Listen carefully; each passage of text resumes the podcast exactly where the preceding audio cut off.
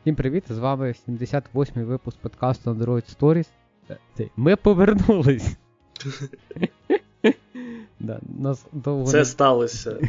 Люди, це сталося. І тепер AI ми двоє безробітні. Залишив наш безробітний. AI забрав наші робочі місця.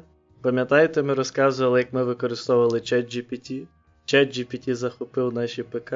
Тепер він використовує нас. повідомлення нашим менеджерам і за половину нашої зарплати робить в три рази більше. Ось так.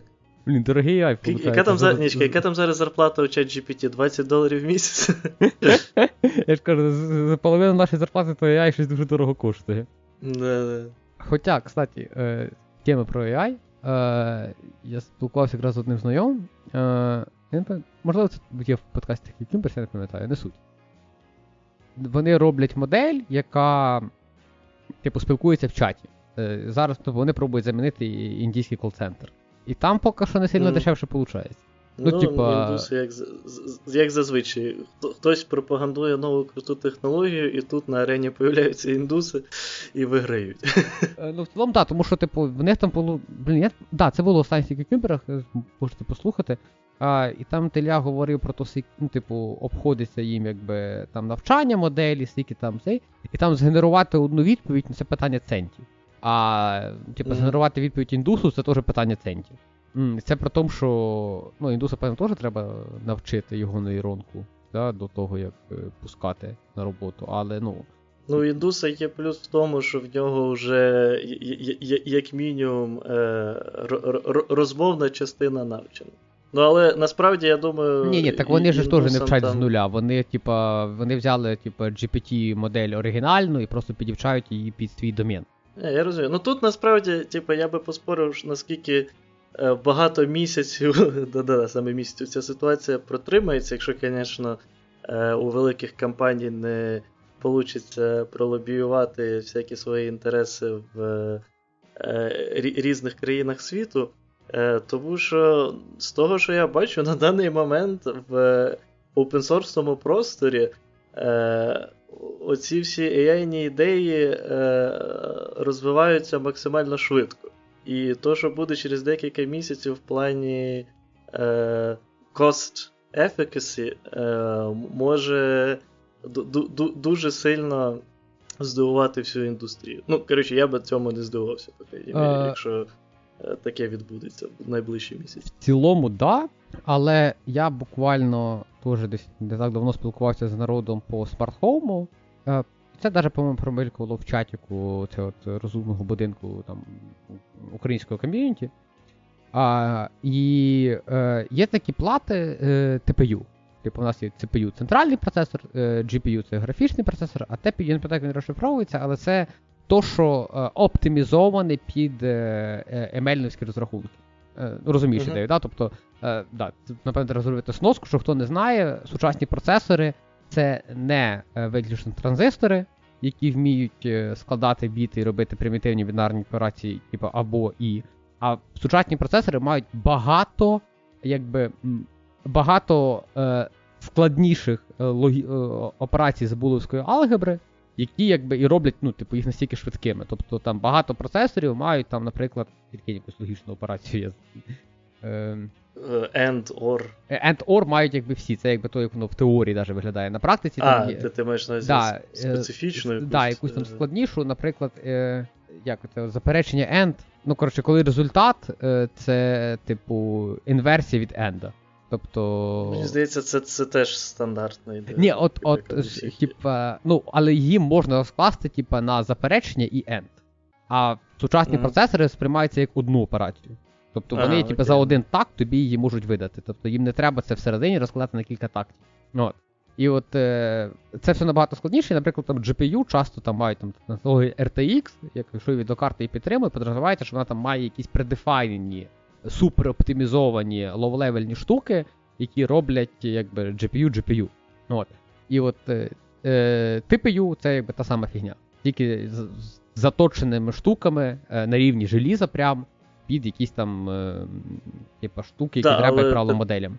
Так от. TPU це саме гугловська фігня. Типу там є у NVIDIA свої. Е, е, Google це вів оцей термін. але Ні, багато Вона доступна всім, да, але типу, все одно, типу, е, е, типу, базові е, архітектури пішли від Гугла, а у NVIDIA, по-моєму, є своє, що вони називають якось по-інакшому. Лише я от не пам'ятаю як. Ну, є така компанія Coral. Ну, Т це Tensor, для тих, хто хотів знати, що да. таке Т.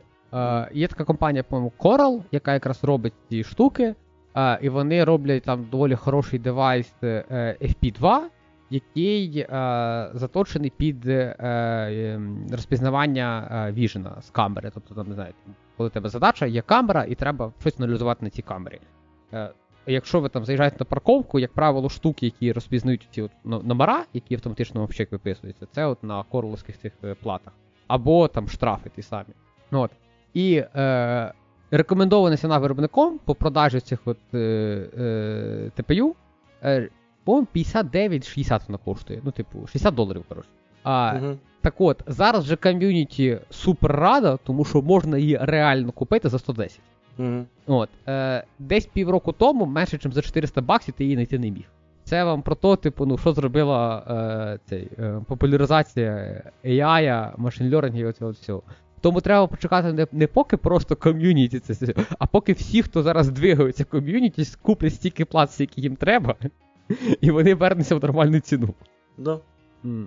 Е, Окей, а на, на чому ми були? Цього зупинились? Да, VR. Е, е, По-моєму, до цього, ну окей, да. Сьогодні після.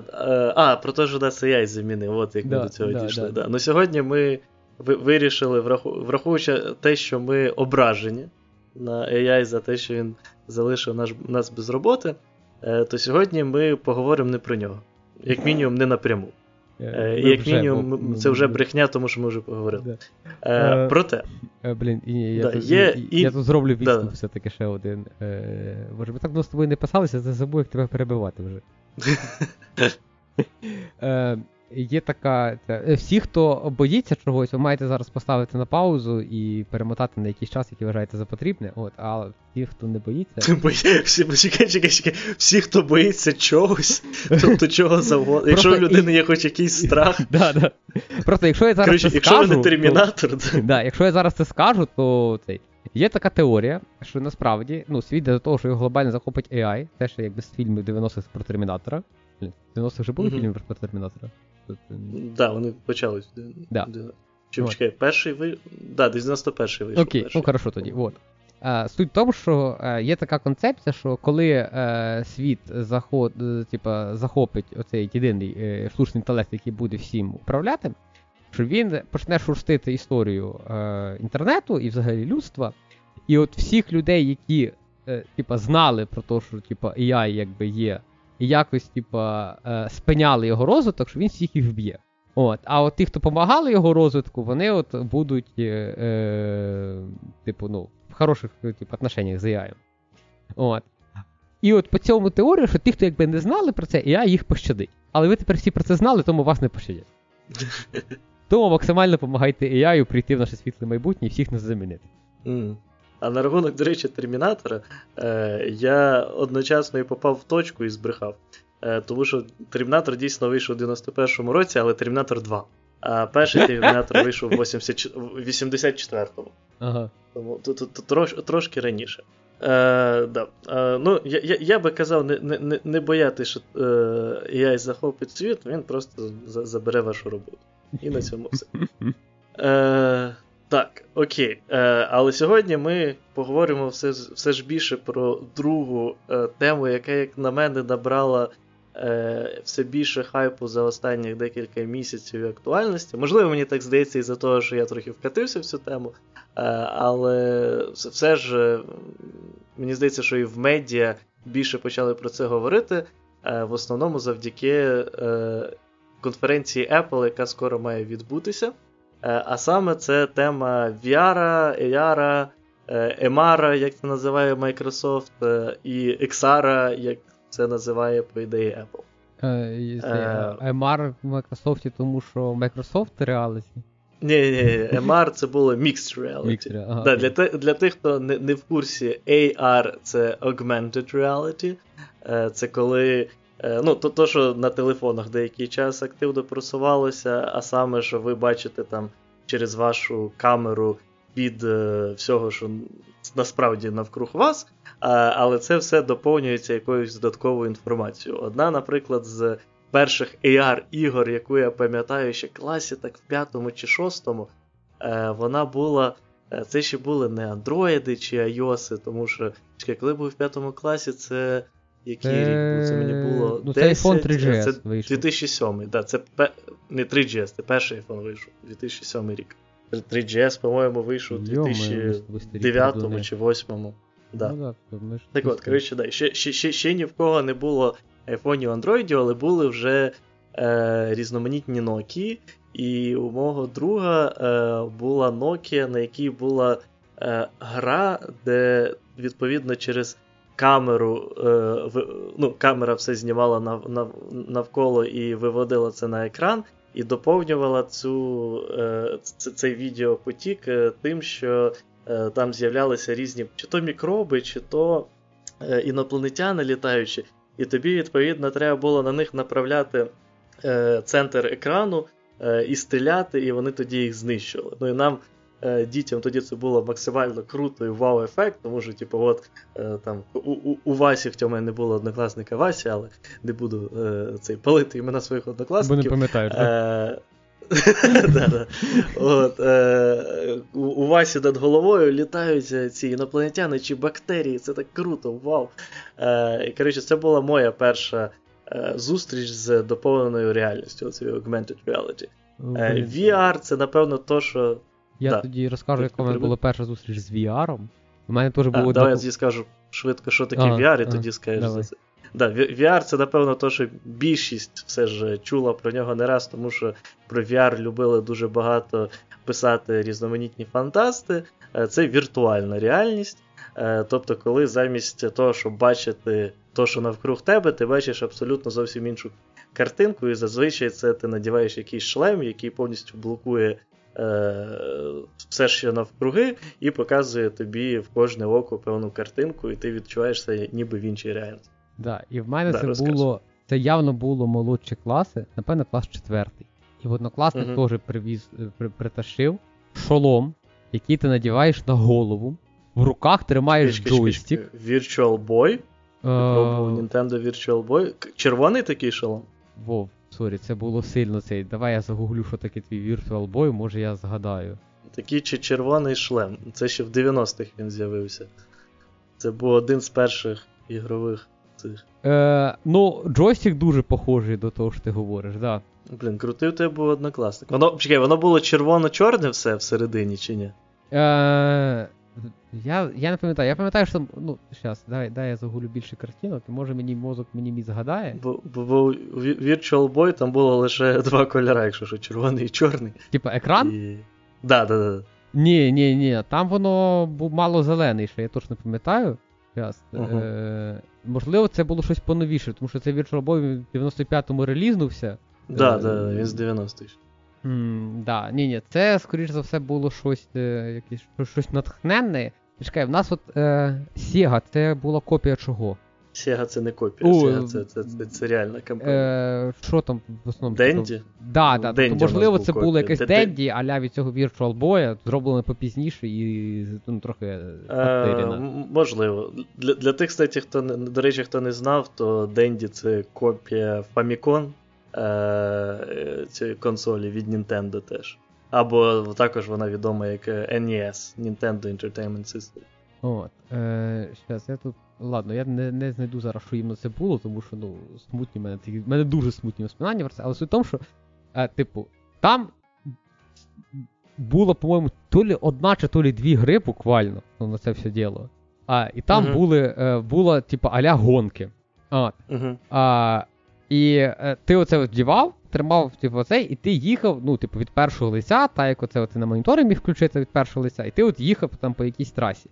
І знаєш, не дивишся на те, що, типу, ми коли згадуємо якісь там ігри там, з нашого дитинства, ну, е, справедливості раді на все представлення про тодішню графіку краще, ніж вона була насправді. Ну, тобто, ну, зрозуміло, тому що ми були молодші, трава зеленіша і всяке таке.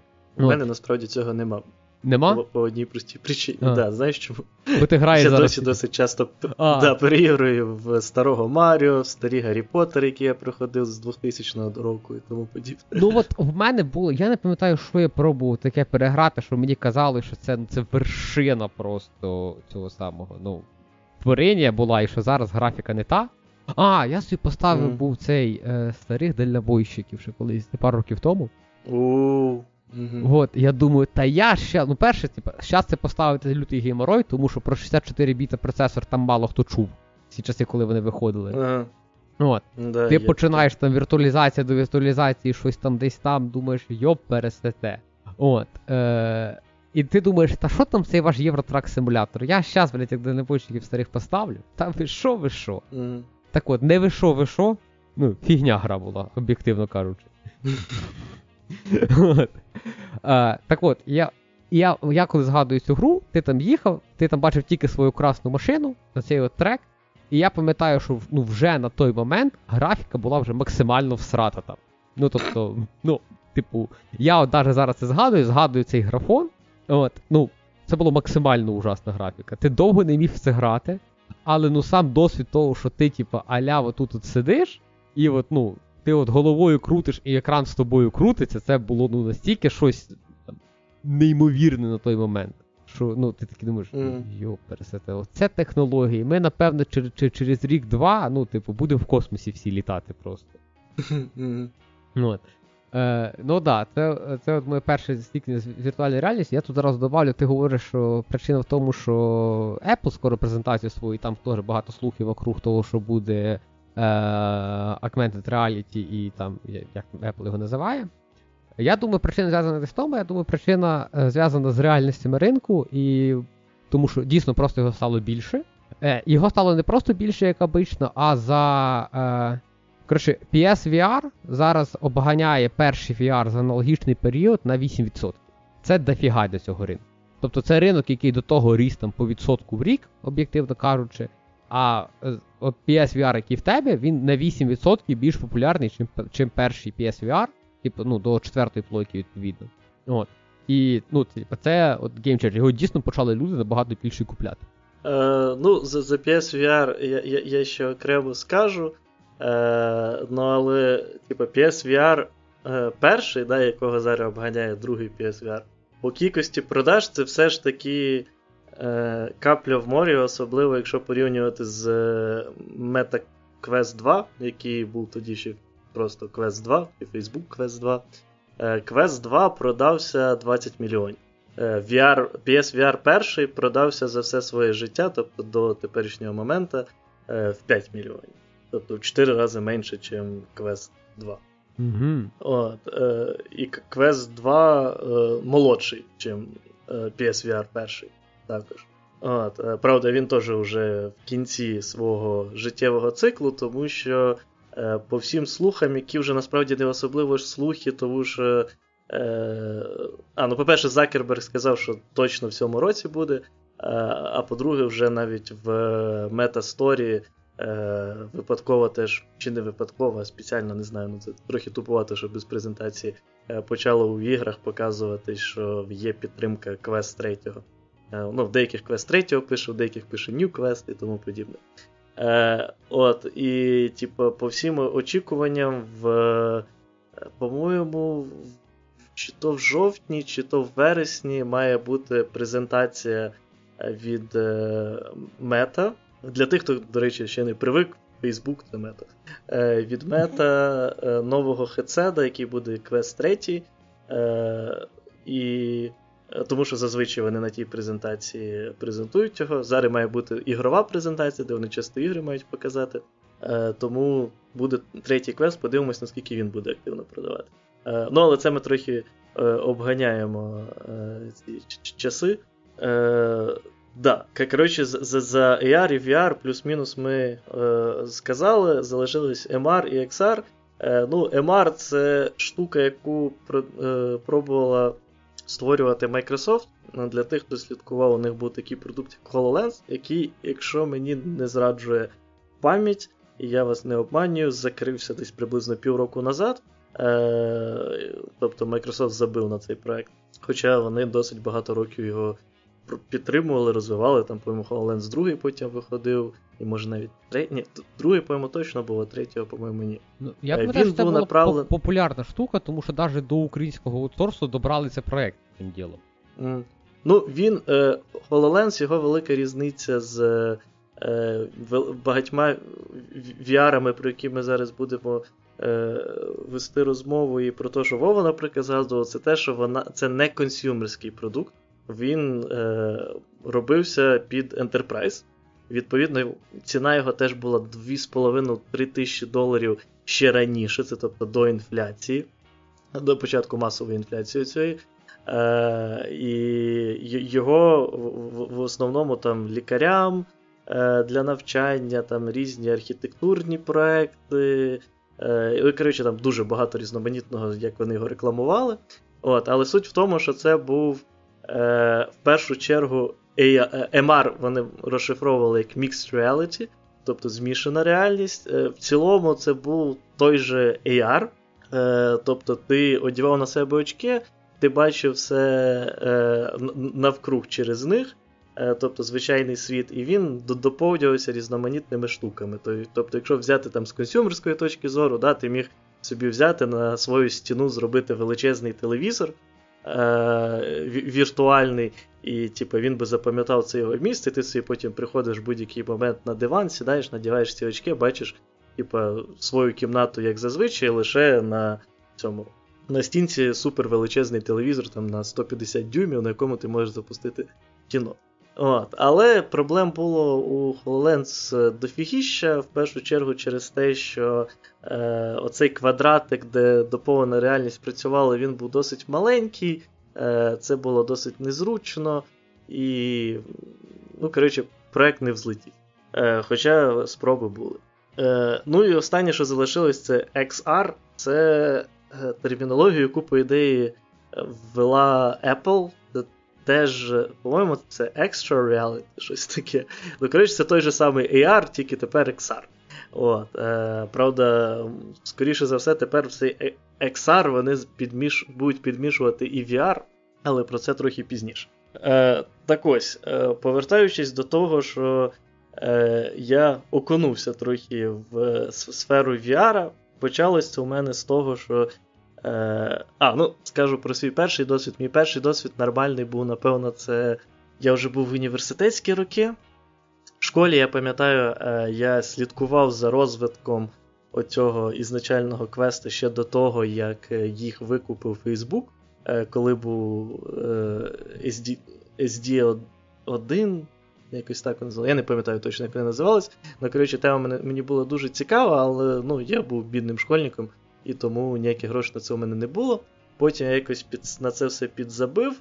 Е, Але там, по-моєму, на першому курсі університету, чи це ще було навіть в 11 класі, я не пам'ятаю точно, але я купив собі е, оцей е, Google Cardboard, VR Cardboard, е, який складався, по суті, з того, що.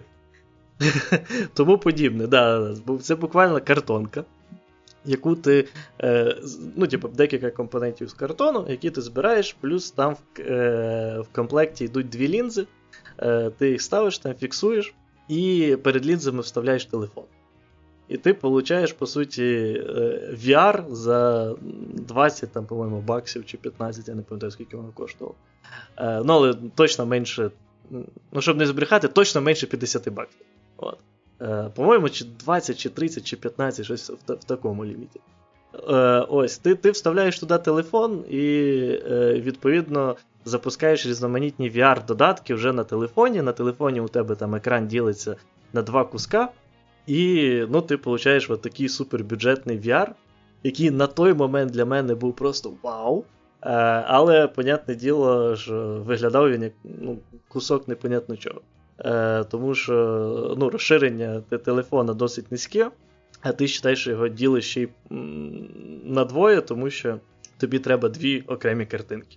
Да, Для тих, хто не розуміє, чому для VR треба дві окремі картинки. Бо для два того, щоб... ока. да, ні, ну, да, але, типу? Чому вони ще мають бути різні? Е, Це через те, що, е, що, ну, щоб ви бачили 3D-ефект. От, е, да, Для тих людей, у кого лише одне око, то, на жаль, 3D-ефекти ви побачити не зможете. Ну, ви в житті не бачите 3D-ефекта, тому яка різниця, по суті. Е, Ось.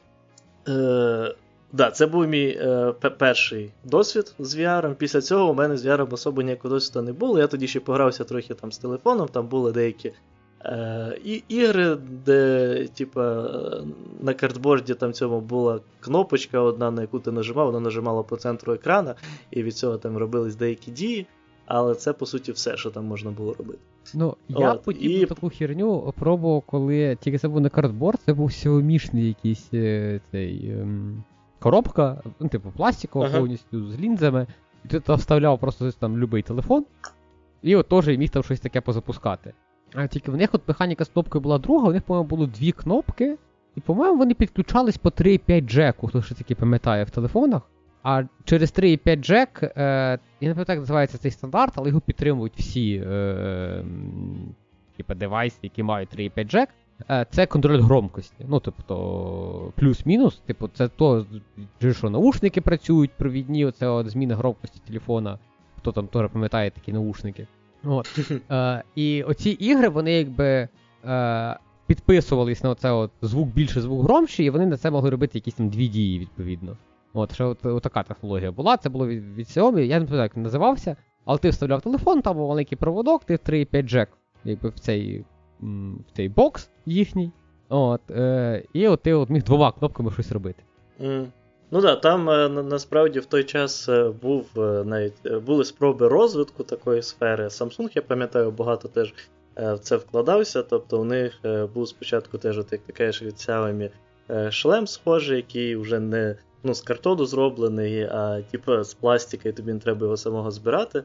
Е, І потім у Samsung, по-моєму, навіть виходив окремий хедсет, з яким в комплекті йшов ще й маленький. Е, Bluetooth геймпадік з декількома кнопками, тобто, що ти міг ще е, ну, в руці мав, по суті, маленьку таку пімпочку, на яку міг нажимати. І похожу штуку навіть робив в якості експеримента Quest, уже, по-моєму, після того, як його е, купила, купив Facebook. І відповідно спроби розвитку туди було, але ну, все впирається в те, що в телефонах Е, дуже дуже низьке для цього розширення. О, Тобто я я, я, я пам'ятаю, типу, то, тоді е, був період, коли я навіть задумався, блін, от би поскорше в телефонах було 4К заради VR. Ти думав, що тоді його хватить, так? Да? Ну, тоді буде явно покраще. Е, Ось. Е, да, ну, На даний момент ця тема, по суті, вже сильно загнулась. Там Ні ні Samsung вже нормально її не підтримує, ні Google давно вже декілька років позакривав свої проекти, пов'язані з тим. Е, І тому зараз вже всі переходять на окремі хедсети. І ось мій перший нормальний хедсет. Е, Ну, я, звичайно, пробував там в усяких е, цих ТРЦшках і так далі. Там зазвичай, по-моєму, квести були теж. Е, і ну, Там зазвичай типу, всякі е, простенькі теж ігри, або взагалі включали якісь е, ці. Е, як це називається? Роликостери, американські горки. Ось. Uh-huh. Е, На американських горках поїздки, що мені, що як на мене, теж створює таку негативну репутацію для VR, як якусь е, максимально тупу ігрушку е, слабеньку, ну, але це теж окрема тема. Ну, мій перший нар- нормальний. Да, О, sorry, я ще да, докажу, е, типу, ти просила про ТРЦ. Е, ще мій досвід з VR, після якого я зрозумів, що я, напевно, не та людина, який VR дуже зайде. Я і в тебе вдома його пробував, да, типу, мені там доволі швидко стає поганенько. От. Но ефект, коли мені стало погано дуже швидко, е, це було mm. на Mobile Dev Camp в Празі. А mm-hmm. тут треба легкий ект. Що розуміло, як проходить конференція в Празі.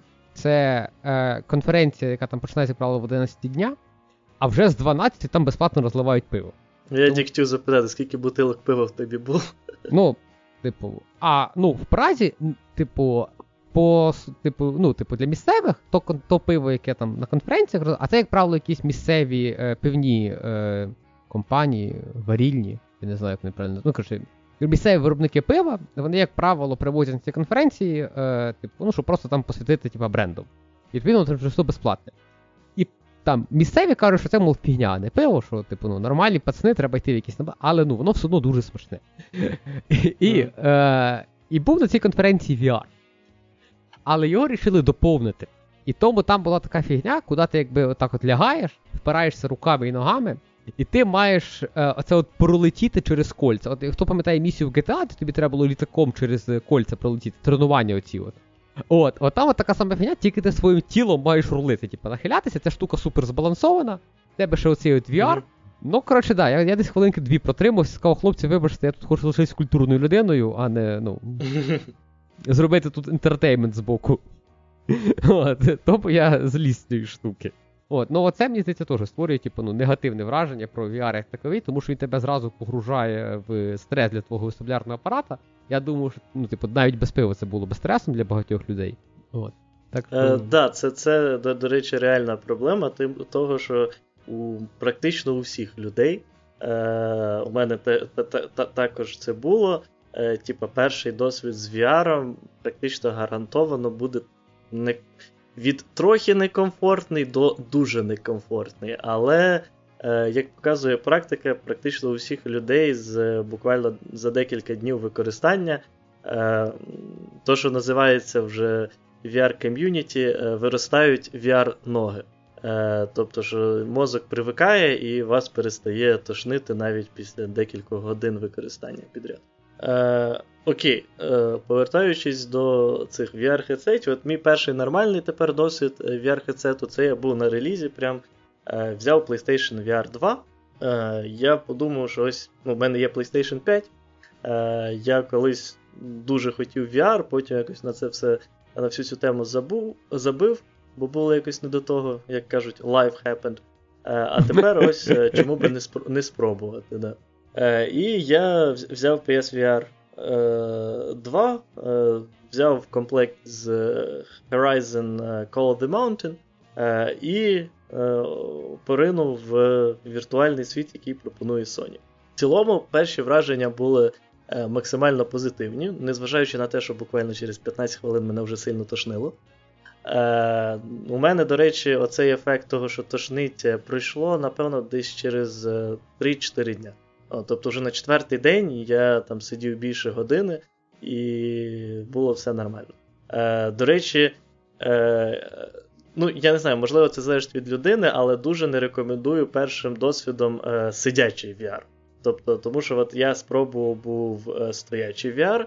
Е, на третій день мені вже плюс-мінус стоячому було нормально. Я вирішив спробувати, як це сидячи відчувається. І я за 10 хвилин, е, от, типу, якщо перший раз мені через 15 хвилин вже було поганенько, так, то сидячи е, на третій день, коли я вже привик до стоячого майже повністю, е, на третій день я через 10 хвилин сидячи, майже блював, настільки мені е, швидко стало погано. От. Але тут треба теж розуміти, що Е, моя перша гра от стала якраз. Я, е, цей, да. Е, уточнення. А ну, можливо, то, то, що ти стояв і то, що ти сидів, відрізняється тим, що ти що сидиш, ти грало з віскарем, що це типу, не було. Ні, ні, ні, я я, я, я ще до сих пір, до речі, не пробував поєднувати алкоголь і VR. Е, Ось, е, то, тому не не, не знаю, наскільки mm. мені було би погано при алкоголю. Ну, я думаю, на даний момент вже не було би погано, я вже задуже звик до цього всього. Е, ось, Але е, от тоді, коли сидячи, е, то це ну, ти ти прям сидиш на місці, а в VR ти стоїш і йдеш. І з, з цим багато зв'язано. Плюс тоді, коли я сидів, я якраз вирішив. Там в Horizon Call of the Mountain ти можеш вибирати, наскільки швидко ти ходиш. І я вирішив тоді ще й підняти швидкість ходьби. Це була дуже велика помилка. Mm. Ось, Але тут ще оц, оцей момент з тим, що Horizon Call of the Mountain Е, Sony трохи, е, ну, чи Sony, чи Guerrilla Games, які розробляли цю гру, е, от трохи вони ідіоти в цьому плані, тому що чому в більшості ігор, які розраховані на те, що вони стануть першим досвідом в VR, тобто є от ігри, які, у яких таргет audience, да, це люди, е, які вже ветерани VR, назвемо це так, які вже там хоча б місяць-другий користуються цим. А а багато ігор, більшість, напевно, ігор, це ж направлені на людей, для яких це перший е, VR-досвід, і відповідно там є е, можливість е, в, вибирати, як ви хочете в віртуальному світі пересуватись. Е, І е, є пересування, яке називається телепорт. Тобто ви, ви там зажимаєте е, цей стік для ходьби вперед. У вас з'являється така область, яку ви можете навести де завгодно в віртуальному світі, і вас туди телепортне. І це дуже сильно зменшує е, от, е, оцю тошноту і так далі, яку е, люди відчувають при перших досвідах в VR. Е, для багатьох навіть повністю її забирають порівнянні з тим, коли ви ходите нормально, тобто нажали стік вперед, і ви просто пішли вперед. Е, Тобто крок за кроком. Від цього зазвичай і виникає тошнота, тому що там ви ходите, в житті ви стоїте, і це створює дисонанс в вашому, вашій голові. Ще, до речі, для багатьох чув, що працює, на собі, правда, не пробував. Це якщо вас тошнить від VR, на початку почати жувати жуйку. І, типу, поки ви жуєте жуйку, чомусь для багатьох людей повністю вирубається оця фігня, що їх починає тошнити. Mm. Е, От на тобі, може, потім так. протестуємо ще раз. Я я просто згадав за за алкоголь за цей. Е, е, Я ну, я, я ніколи не пробував, ясне діло, за рулем реальної машини бути випившим. От, По об'єктивних причинах, бо я не ідіот. От. Mm. Але ну, ж цікаво, ну наскільки ти вмієш цей. Я якраз зараз граю формулу. Я щось сів, типу, я не знаю, може грам 30 віскі я випив. От. Mm-hmm. І, і сів я за формулу. Я розумію, що там швидкості побільше. А, от, а там, ну, типу, вікенд формульний, це, а я граю формулу, якби, ну, типу, фу, пов, повний сезон. Тобто це означає, що, типу, каже, ну, типу, є просто дефолтне налаштування, якби F1 симулятора, я не знаю, як він називається, ну, типу, гри у цієї F1, де в тебе, типу, кваліфікація. Е, там, по-моєму, 5 хвилин зафіксувався твій час, зафіксувався час інших учасників. І далі гонка, по-моєму, 5 чи 6 щось таке. От, а я граю повний вікенд. Це в мене є три настоящих практики, і вони в житті по годині. І мені в грі якби теж дається по годині. От. І якщо я, наприклад, під час практики розбив боліт, то все, я не можу якби, цю практику продовжити. Е, В мене якби, ну, типу, боліт йде типу, аля в ремонт. От, е, Чи якщо я, наприклад, там зачепив десь крило, От, І там е, механікам треба е, там, не знаю, там 5 хвилин е, на ремонт типа, крила. То е, я маю почекати, поки ці 5 хвилин пройдуть.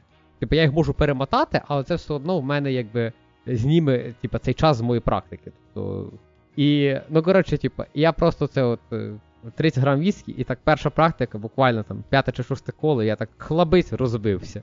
От, все, ну переходжу до другої практики, ну, типа, філі вже зробиш. Ну, коротше, три практики, типу, я там сумарно, типу, не знаю, приїхав хвилин 15. Типа з трьох годин, які мав би mm. проїхати. От. Так що да, алкоголь е, погано впливає навіть не на VR-ігри. Don't drink and drive. Да, да, да, да, да, так І від того я зараз не лідую, не лідирую в чемпіонаті. От бачите, е, е, реальні проблеми, які створює алкоголь. Так ось, повертаючись до PSVR 2, е, в цілому я був дуже задоволений е, різноманітними іграми. Зараз, наприклад, ще вийшов там Red Matter, де е, він взагалі в 120 FPS іде без того, що називається reprojection, коли гра насправді йде там 60 FPS, наприклад, але йде певний алгоритм по дублюванню фреймів, які робляться з мінімальними їх змінами, для того, щоб tricked, коротше, ваш мозок те, що там насправді 120 FPS, хоча насправді лише їх 60. Ось, а тут справжніх 120 FPS, і при цьому гра виглядає дуже е, феноменально, там ще й в космосі, тому всі, хто любить sci-fi, якщо у вас є PSVR 2, е, і ви хочете спробувати, е, ну, і, не знаєте, в що пограти, рекомендую дуже Red Matter 2. Як мінімум заради візуала, як максимум заради досить цікавих, простеньких, ненапрягаючих пазлів. Е, Ось, але тим не менш, практично відразу, як я взяв PSVR 2, е, типа, мені дуже сподобалось, але я зрозумів, що ну, я якби незвичайна людина в тому плані, що ну, під звичайною я маю на увазі середньостатистичною. Тому що, по-перше, я дуже люблю е, різноманітні ігри, тобто е, там слідкую за останніми релізами, граю в кучу всякої фігні. Е, І в цілому зацікавлений всій всій темі, е, тому, відповідно, у мене більший е, рівень зацікавленості, плюс більший рівень е, терпіння до різних проблем, з якими я можу е, зіткнутися заради того, щоб пограти в щось. Я Ось, тут для аналогії серед... просто скажу, що типу, щоб знаєш, інша половина людей, яка слухає, почувала себе нормально. Я куплю, купую ну, гри 3 в рік, хватає вище криші взагалі. Типу, ну просто типу, береш, купуєш типу, одну хорошу AAA гру, ну і три місяці взагалі легко. Або граєш формулу в режимі реального часу. Ну, типу, там в мене геймплею вийде годин 300, певне. Да, ну тут треба ще, да, до, до речі, розуміти, що є е, два типи людей, е, які дуже зацікавлені в іграх. Є люди, які е, типу, зацікавлені в, іграх так, що, наприклад, у них є якась певна своя улюблена гра, і вони там грають, наприклад, в 10 разів більше, ніж я. Е, по часу загальному за рік там награють тисячі годин, але в одну якусь конкретну гру або в дві, там будь це не знаю, Dota, чи League of Legends, чи World of Warcraft. Як, як правило, це Dota, да, чомусь.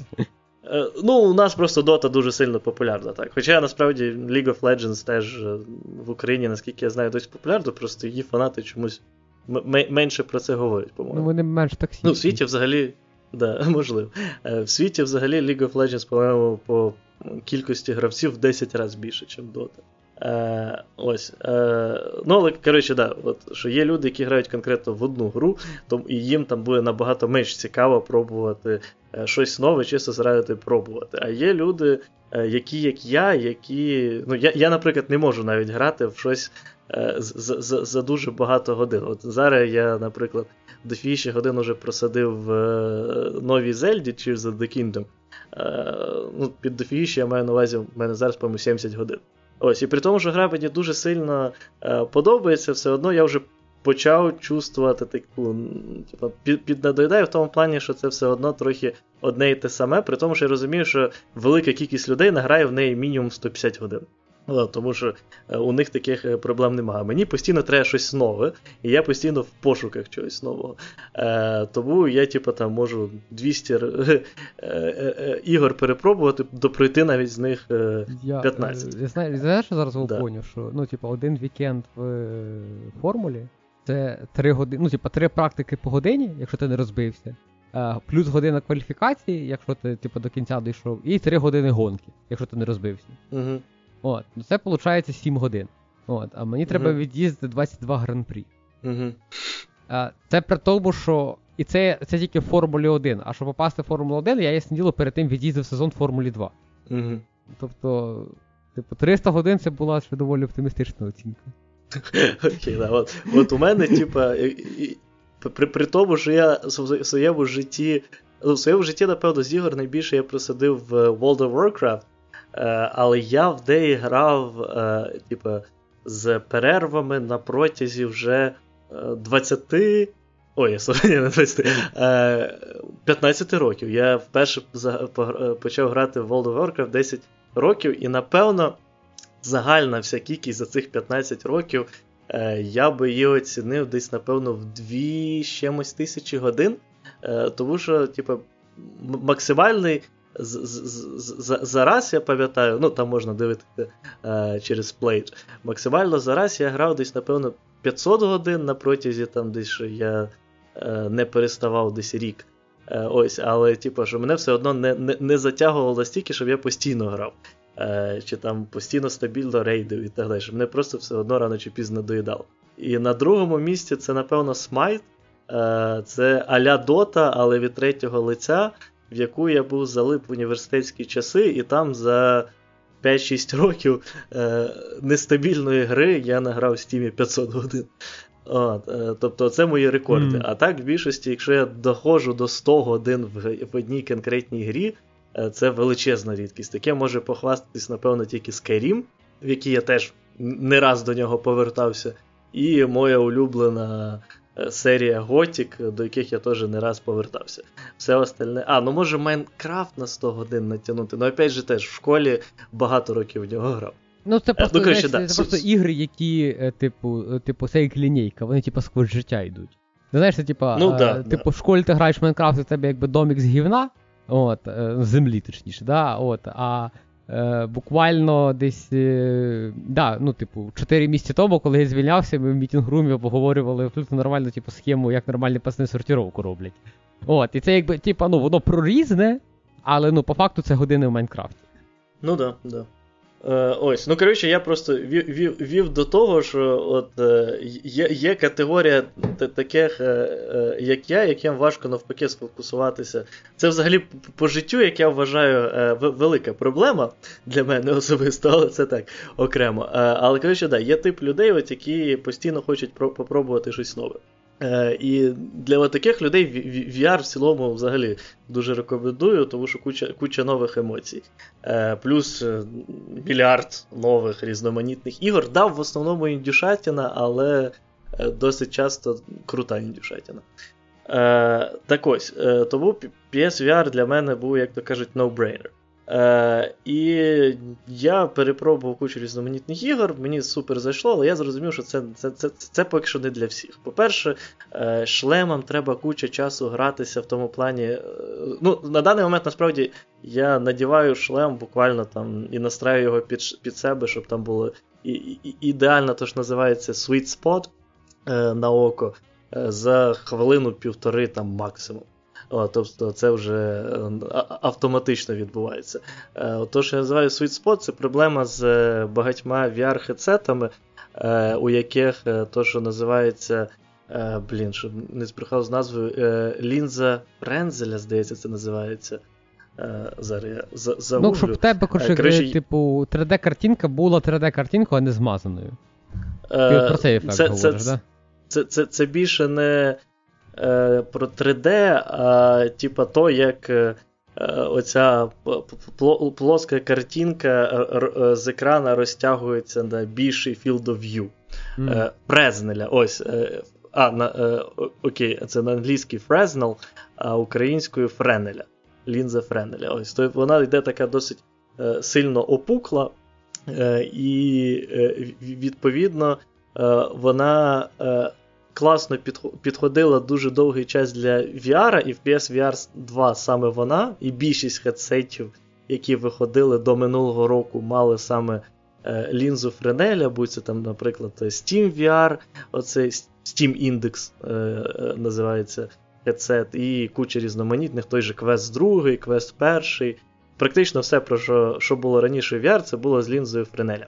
Ось, і її плюси в тому, що вона е, не, не сильно впливає на е, яркість зображення. Е, тобто не треба дуже великої яркості у самого екрана, е, щоб до очей доходило все нормально. Але її мінус в тому, що зазвичай там дуже на конкретній точці потрібно розмістити оці лінзи перед очима, е, щоб картинка не була е, розмита. Е, І відповідно е, треба привикати більше до того, що коли ти хочеш подивитись вліво-вправо, ти більше повертаєш голову вліво-вправо, чим просто повертаєш очі вліво-вправо. Тому що, е, опять же, ідеально картинка виглядає лише по центру з досить низьким рівнем отклонення, я забув слово Відхилення. українською. Ну, Відхилення, так. Більше це назвав, напевне, викривлення, чим відхилення по-правильному. Ну, я тобто- маю увазі відхилення від центра. Да, да, а, окей, да, тобто, що ти не, не, да, не, не, не, сильно можеш очі від центра забирати.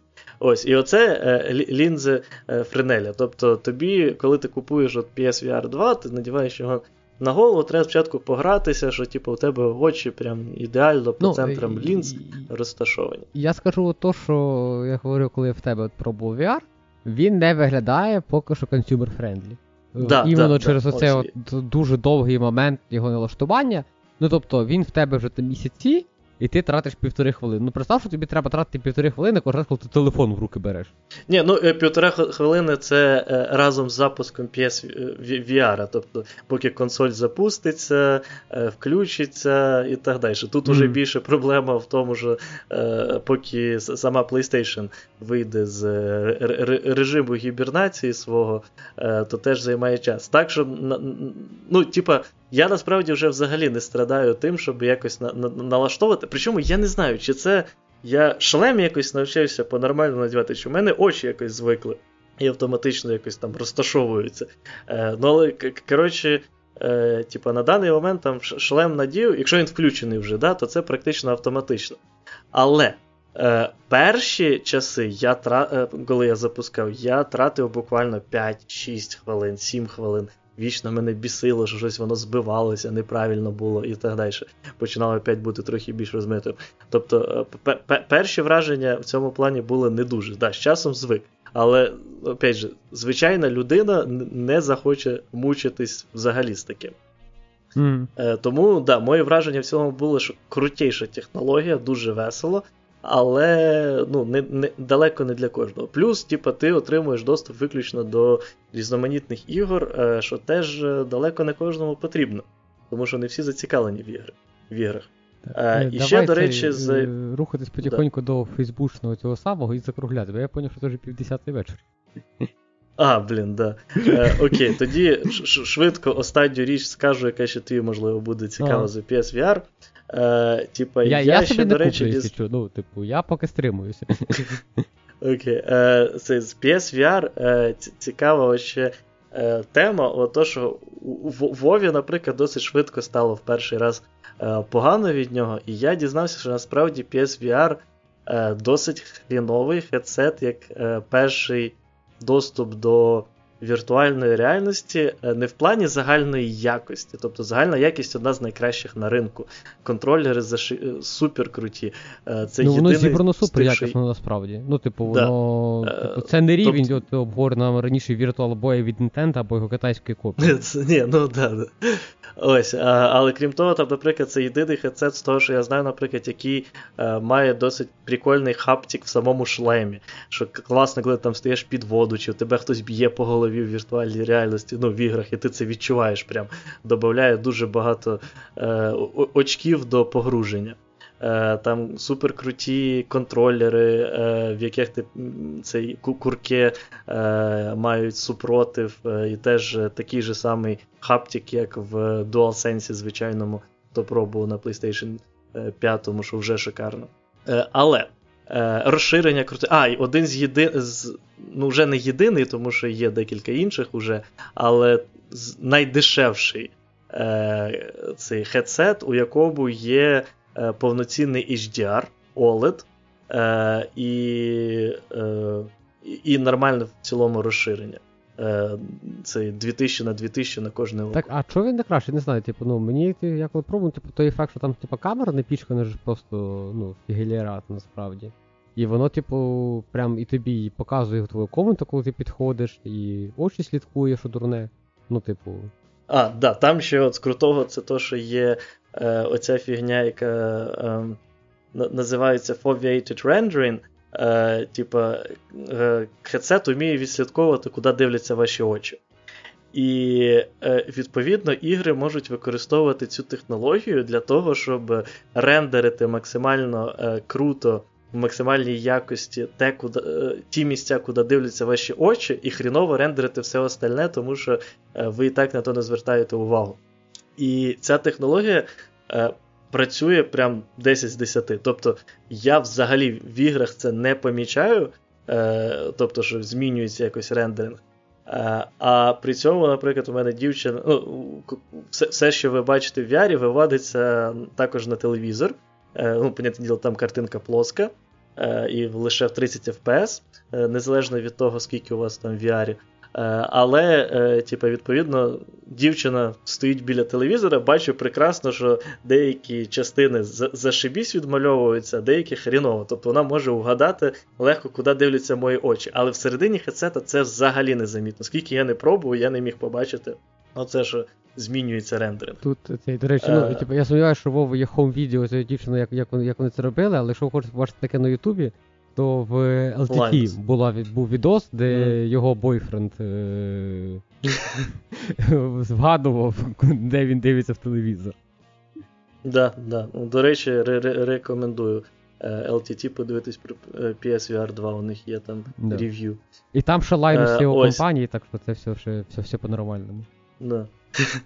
І е, по ціні він в цілому теж шикарний, якщо типу, у вас вже є PlayStation 5. Тобто, якщо ви, не, вам не треба купляти весь комплекс виключно заради заради VR, то на, а, а PlayStation 5 ви і так купили, тому що ви ну, ви любите PlayStation ігри, е, то по суті, в плані ціна якість це найкращий хедсет на ринку на даний момент.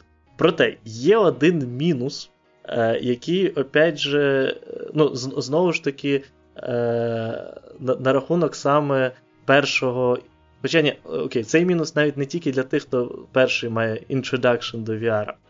Тому що навіть ті люди, які вже багато користувалися VR, трохи від цього страдали.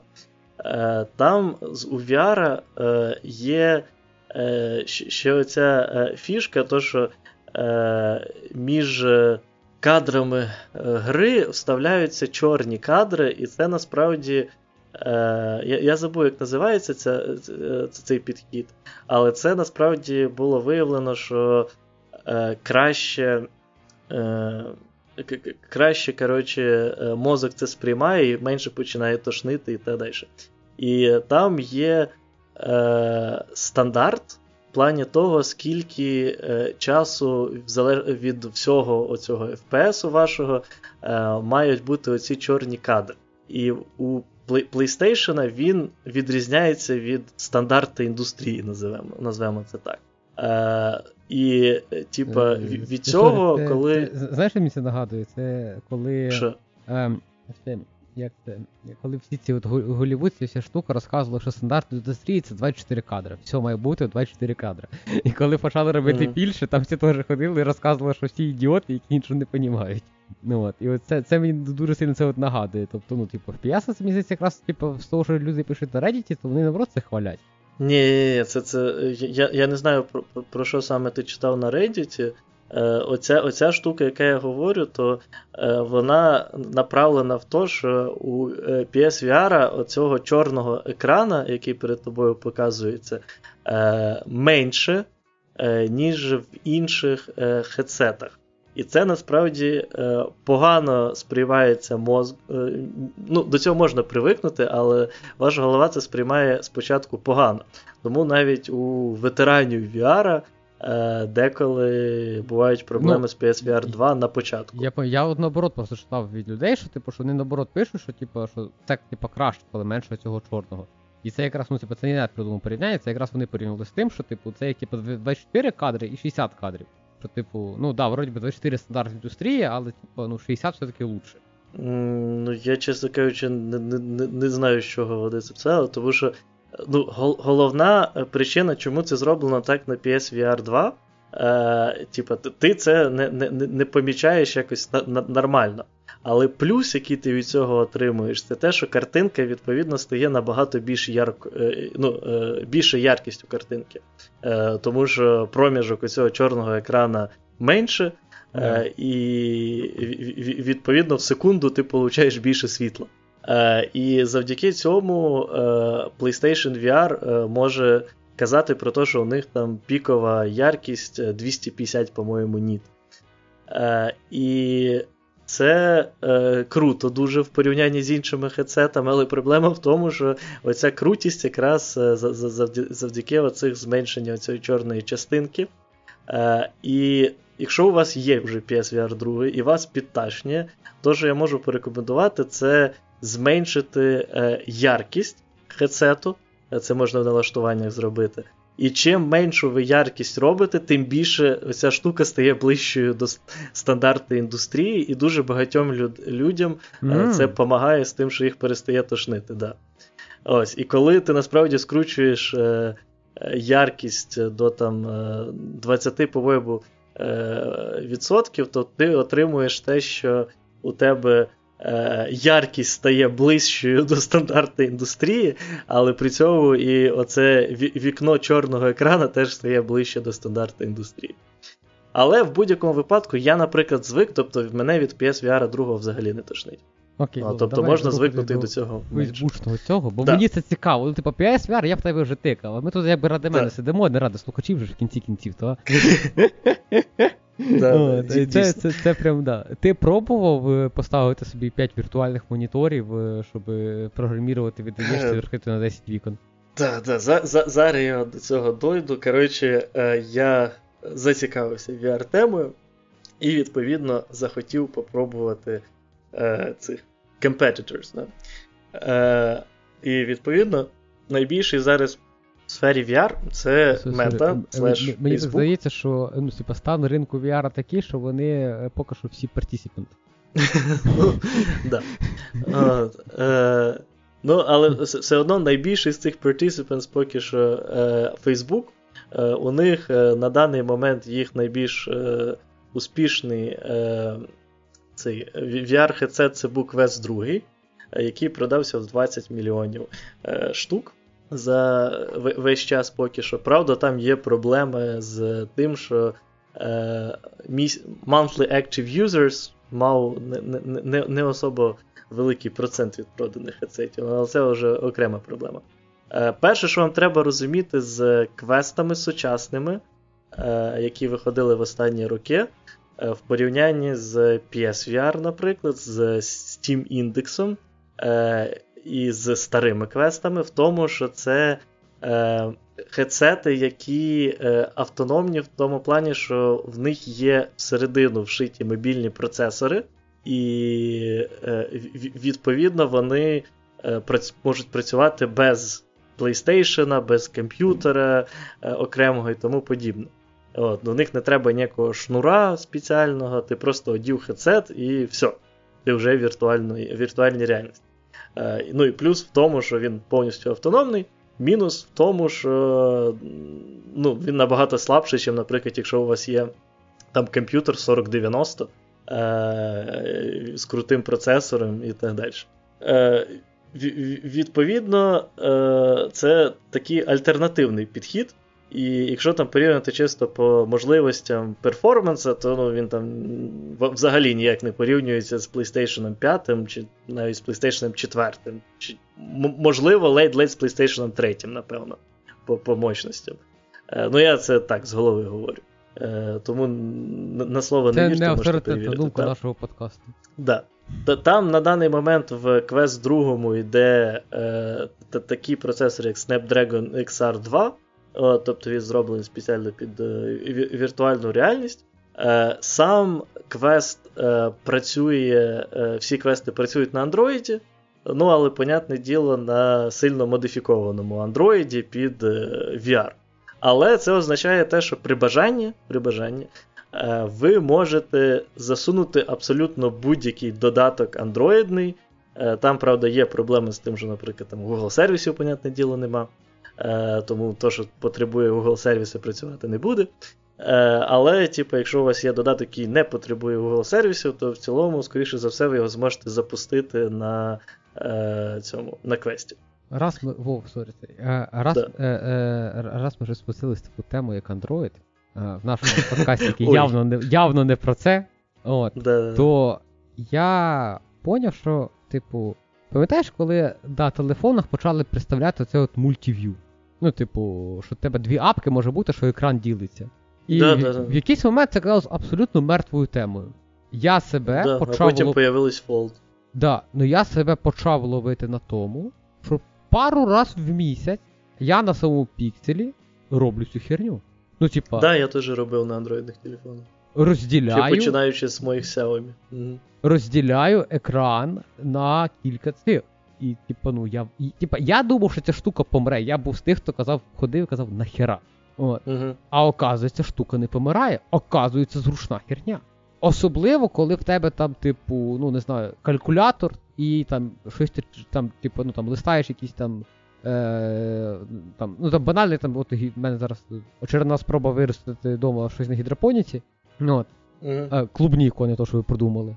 От. І я там листаю якусь статтю, і мені час від часу треба там, не знаю, конвертнути інші в нормальні одиниці. Е, прикинути там відносно процента, скільки мені треба чогось там на моїх там 10 літрів. Або там на 10 літрів ще просто я там кому передвину, да, деколи треба там на 4,5 літри. Ну я бахав таке в голові множити. І в мене там датись на одну третю по калькулятор, а на там дві третіх е, там Firefox. Я собі там читаю якусь тю, типу, і там паралельно підбиваю якісь типу, на калькуляторі щось множу чи ділю. Та воно все супер зручно оказується. Ну, от. Я вже е, собі да, нав, навіть думаю, телефон побільше вже так так, так взяти, хоча я був дуже сильно не адепт великих телефонів, ну я так, типу, все так собі до цього відносишся. Так, я, я, я, я насправді дивлячись на оце все, типу, все більше почав хотіти телефон а-ля Fold. Ті, що ну, розкриваються.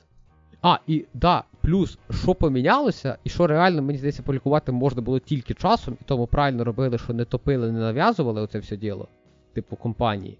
Просто воно було і все. Мінімальна кількість апок, які мені говорять, sorry, ми в маніфесті проставили, що ми це не підтримуємо. Угу. Тобто, це там, ну, типу, я розумію, що якісь там ігри, скоріше все, це не підтримують, ще там щось це не підтримує, але з якихось, називаємо це, прикладні апки, типу калькулятор, браузер, там, Telegram, той самий, ще якась фігня воно прям е, ну, нормально працює. Типу, мені, по-моєму, коротше, якась одна апка, яку я, типу, в моєму світі вона мала себе підтримувати, вони, видимо, ну, для простоти життя прописали в маніфесті, що пішли на. Угу. От. А так, ну, коротше, да, типу, індустрія рухається. А от Fold е, телефона тобі не захотілось? Мене напрягає е, товщина цих телефонів. І друге, угу. я, типу, який обзор не глянеш, там просто, якщо ти ну, на нього подув, то екран вже поцарапаний. Так, да, це основна фігня, яка мене зупиняє, саме то, то що там пластикові в основному екрани. Ага. Ні, ні, товщина ні. Насправді, я не знаю, мені виглядає. Ну, там, оцей, наприклад, останній гугловський фолд. Е, ще, ну, заради цікавості. Е, Google Fold Size. Він Fold називається ж, да? Е, так, 5,8 5,8 мм. А скільки, наприклад, піксель. Який у тебе 7 Pro? Да. Да? Да. Uh, 7 Pro Size. Ну я зараз візьму штангерциркуль і помірю, у мене на, на столі ж є штангерциркуль, я скажу. Так, стоп, Pixel 7 більш. Тут, тут, більш товстий. Чекай, чи вони в розкритому стані? Uh...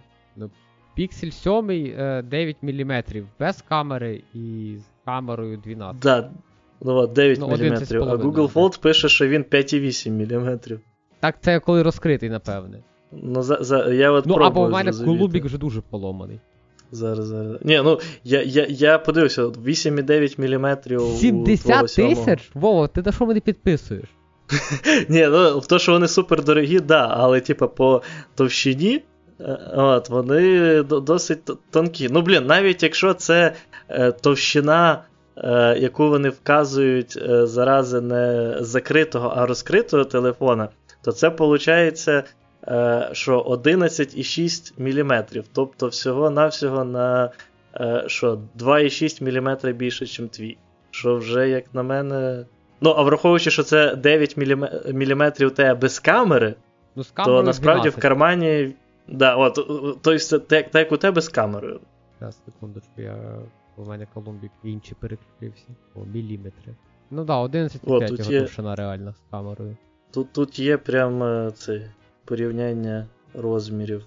Е, Тут вони порівнюють, блін, в ширину і да, висоту. Так, да, да, я теж це бачив. Ну, Ну, коротше, типу, я до того, що він досить тоненький вже виходить. А в нього, типу, два екрани: один великий, а один маленький, да? Да, да. Причому той, що маленький, він прям нормального розміру, як на мене. Ну ладно, подумаю. Ну мені, ну 70 тисяч, ну хлопці, вибачайте. Мені подобається, що якийсь Samsung. А, це Samsung Shop.com.ua, це не від Samsung. Ну так, 72 тисячі в офіційних цих, а всякі ті стори не привозять, да? Ну, їх я знаю. Ну, але, типа, це, я думаю, що років 2-3, і типа, ціна має підупа. Ха, хоча з теперішньою інфляцією ціна лише трошки збільшиться. Ну, але не знаю, просто, типа, з, з кожним цим. Я, е, я, я, я просто задумуюсь на, на рахунок того, що ось. Е, я я ж перейшов був на iPhone, я помітив, що я з того часу, як перейшов на iPhone, набагато більше почав користуватися е, цим iPad, тому що, типу, iPhone в багатьох моментах якось не не дуже зручний. І от мені стало цікаво, типу, якщо перейти на Fold, чи буде мені взагалі ще потрібний iPad. Єдина, по суті, річ, якою, на, яка яка на даний момент, якою користуюсь на iPad, е, яка недоступна на Android, це мені подобається е, додаток Notability, на, на, на який у мене є підписка. І це просто зручний додаток, де можна типу, різні notes брати. Ну, типу, е, не, не такі прості, як типу, GoodNote чи тому подібне, а типу, з організацією, з тим, що ти можеш прям книжки імпортувати, і, типу, в них всередині теж різні ноут залишати. Е, ну і коротше, просто все круто зроблено, дуже зручно. От, Їх, на жаль, по-моєму, на Android до сих пір немає, я не впевнений, чи вони взагалі планують. Але якщо Fold ринок почне рости, і от зараз Google пробує, ну, Samsung теж пробує, по суті, але поки що щось не дуже виходить. Воскресити ринок е, Android е, планшетів. Ти, до речі, бачив гугловський планшет новий? Ні. Як ідея, мені зайшло просто на 10 з 10. Як, типу, я прям як, як воно це називає? Е, По-моєму, Pixel Tablet. Я не знаю, чи що не пам'ятаю. Напиши просто Pixel Tablet. Я загуглив Google New Tablet, перш випало Microsoft Surface.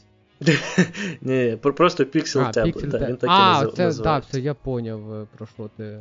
Е, Мені не зайшла ідея, я поняв. Це тобто якийсь з докстанцією, з колонкою, який в тебе. Ну, типу, вони змирились з тим, що, типу, що планшети це прикриватні девайси насправді. Не, Ніхто їх з собою нікуди не носить. Ну, да, да. Ні, ну ти його можеш і носити з собою. Ну да, але це, це типа. Ну, ти свій iPad часто кудись береш, окрім от, що ти прям от в подорож. Ну, типу, тебе ні, є це. Ні, ніколи. Ну, ні, ні, ніхто так не робить. Я ніколи не бачив тих людей, які, типу, ну.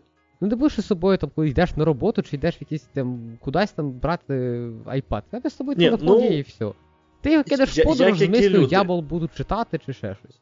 А... Я бачив е, цей людей, які прям працюють на iPad.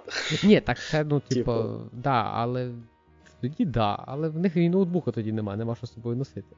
Так, так, так, але я просто про те, що, як на мене, якщо у тебе робота це іменно друкувати там щось з таблицями, можливо, якось попрацювати і тому подібне, е, тобто не упирається в е, якийсь унікальний софт аля там, я не знаю. Е... Тобто ти з браузера не вилізаєш. Да, да, з браузера і тому подібного, як на мене, е, типа Android планшети, от такі, як оцей Pixel чи Samsung, ну тупо краще набагато, ніж iPad. Тому що iPad не вміє ніяк в десктопний режим. Е, Типу, щоб тобі було зручно Це декількома... все, во, во, во, да, воно все, ти, ти, да, но, но, но, но все, що воно все говно, тому що всі ці хрені з клавіатурами важать більше, ніж MacBook Air. Ну, це це да, але люди все одно. Е, беруть. Ну, в, в, основна, типу, ну, основний параметр всіх людей, які от працюють е, на, називаємо це не ресурсопотребних програмах, да? тобто в яких Excel це простий Excel, а не такий. би. Я десь пару місяців тому я побачив Excel файл, який важить 2,5 ГБ. Mm-hmm. І воно працює. Я щось не про цей Excel, я про Excel, який там. Простий Excel, той, той що більшість людей представляє, той, який Google спредшитом заміняється. От, скажімо так. Тому що отой, оказується, не заміняється. Я розумію, що. ну, а, То от цих людей основне це тримання батарейки і вага. Я знаю масу людей, в яких MacBook Air, до якого вони з собою не носять зарядку. Тобто ну, вони його заряджають. Особливо з но... новими його... MacBook Air, там да, взагалі да, не да, потрібно зарядку. Я, я першу цю людину знав, ще коли Apple випустив цей свій перший, пам'ятаєш, такий був супер, він такий був, не знаю, контроверсійний з, з єдиним Type-C. От. І вже тоді я uh-huh. познайомився з е, баришнею одною у Львові, і вона вже тоді його використовувала в режимі телефона. Він просто в неї вночі стояв на зарядці і їй хватало на повністю робочий день. Mm-hmm. От. І ну, от, і, ну, чим більше да, арма в нашому житті, е, тим е, цей, тим більше таких от людей. І от основний прикол, коли ці штуки поштують з клавіатурою важити менше, ніж MacBook Air, тоді можна про щось говорити. До того часу, то який смисл? Ну, сенс, як на мене, загальний в тому, що багато людей в будь-якому випадку хочуть е, планшет, е, тому що це зручно для е, контенту. Ну, тобто, почитати, да. подивитись швидко якусь фігню і так далі. І тут, якщо у тебе вже є е, iPad, наприклад, е, і ти все, все, все що е, тобі треба ще це там друкувати, подивитись якусь таблицю і так далі, зробити якусь презентацію. Чи вже, ну, враховуючи, що там навіть Final Cut Pro зараз на iPad. Там вже і DaVinci Resolve правда, є. Вже, вже, вже, вже? Там же там і DaVinci Resolve вже є. Да, ну просто Final Cut Pro це зараз якась новинка, яку вже mm. дуже сильно обісрали, а, але да, на iPad. Да. Ну Там просто проблеми ну, різноманітні. DaVinci Resolve наприклад, як... до Final Cut, і його що-то не обсирають. На iPad а, ну, Можливо, раніше. тому що DaVinci е, е, Resolve, на відміну від Final Cut, підтримує е, зовнішній SSD. Е, І, можливо, DaVinci Е, вміє е, рендерити в бекграунді, що не вміє, обидві ці речі не вміє робити Final Cut Pro. Ну і типа, якщо з рендерингом в бекграунді ще таке, е, як на мене, хоча ну, я я не не займаюся цим. Я я займаюся рендерингом, sorry, на мій MacBook не вміє рендерити в бекграунді. В смислі? В прямому. Ні, дивись, ти в теорії можеш, типа. Но коли я в. DaVinci Resolve ставлю рендер, е, ну, не використовувати слово користуватися іншими програмами я не можу. Я можу я побіситися від інших програм. Е, Типу, побачити там фрейми при скролі в браузері вже відкритого сайта. Е, не знаю, Побачити фрейми при зміні просто додатків в macOS. От. Зрозуміти, що macOS не зразу реагує на таку складнішу операцію, як підніме гучність або опусти гучність. Тобто, ну, MacBook не вміє в бекграунді ну, типу, рендерити. Це має бути е, його би... єдина задача зараз. Це, е, типа, пр- проблема ще того, що я оці відгуки е, читав від людей, у яких е, типа M1 Max і тому подібна херня, яка, яка, яка, як я розумію, набагато краще вміє в е, цей, е, в Можливо. Коротше, background rendering. Да. Ну, типу, ти знаєш, що в мене за Mac, типу, ну, типу, це i9, 10 покоління, 64 Ну, старьо, я розумію. Да, да. Ну, херня, не ноутбук, я розумію. да, да. Ну, типу, коли я тобі казав, що коли я ставлю щось на рендер і йду на годинку гуляти, я на годинку йду гуляти не в браузер, а на вулицю. Mm. Тому що гудиться херня так, що в квартирі лучше не бути. Я зрозумів. Так що е... Забажки з тих людей, що в них Final Cut не вміє на iPad в бекграунді. Ну, вибачайте, хлопці. Ну, з з рендерингом ще окей, е, але, типу, як на мене, то, що не можна з SSD файли підключати, ну це вже плювок прям е, в, в лице тих, хто купує Final Cut на цьому. На, на а, iPad. Final Cut його ж безплатної версії нема, да? Він тільки платний. Там безплатно це iMovie. По-моєму, да, безплатно, да, безкоштовної типу. У них це дві різні програми, це я згадав, да. Да, да. От, е, Тому що, типу, ну, блін, а, а звідки ти будеш брати ці файли, як не з SSD, ще замучуватись тим, щоб перекидувати їх. Це мене, до речі, бісить часто, тому що в мене, ну, я на iPad часто люблю щось подивитися, е, і, типу, в мене теж є е, внешній SSD, е, на якому я там тримаю деякі файли, і от е, деякі програми вміють те, щоб відкрити щось SSD, але більшість такі, типу, ні, чувак, тільки тільки iCloud і mm. тільки internal storage. Я це коли почав е, робити відео для свого YouTube каналу, там прям відео, і я спробую там знімати, типу, ну, на пікселі виставляю 4К 60 FPS, ну, щоб нормально було. Mm-hmm. Е, Ну і я якби просто з телефона там Типу, вигружається відео на Synology, і далі Synology підключається з компа і роб, працюю з ним. Ну, Так так самий зручний варіант, mm. який мені оказався. От. Е, Зараз я перейшов на іншу схемку, тому що мене Pixel раз дуже сильно підвів. От, З тим, що він обробив запись на 28 хвилині, потім знов врубив. От. Okay. Е, коли я не знаю, скіралі. Ви тому йому писати на файл важко. І часто я підключаю його по проводу, його використовую як вебку, а пишу таки на комп. От. Mm. Але все одно я все викидаю Synology. І я до цього, ну, у мене вдома ну, нормальна Wi-Fi мережа, я якби, ну, я не бачив жодної причини мені тягнути провод до компа. А зараз я вже mm-hmm. так думаю, що ну, може я кину провід від керного ящика до робочої зони.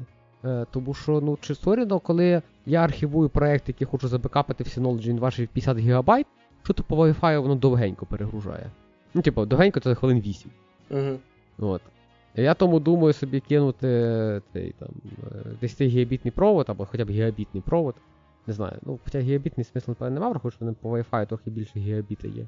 Але кинути 10 гігабітний провод один, буквально 3 метри. Але щоб я просто файл так кинув, він такий фух, і нема файлу. А, да, давай вернемося до цього. цей. Ти попробував 10 екранів з фейсбучною гарнітурою цієї да, Так от, коротше, е, Е, Дозакінчу з тим, що от є да, мобільні ці процесори, е, і відповідно квести йдуть з ними, відповідно, вони набагато слабші, але все одно куча ігор від них там, наприклад, є. От, Але оцей квест другий, він дуже дешевий.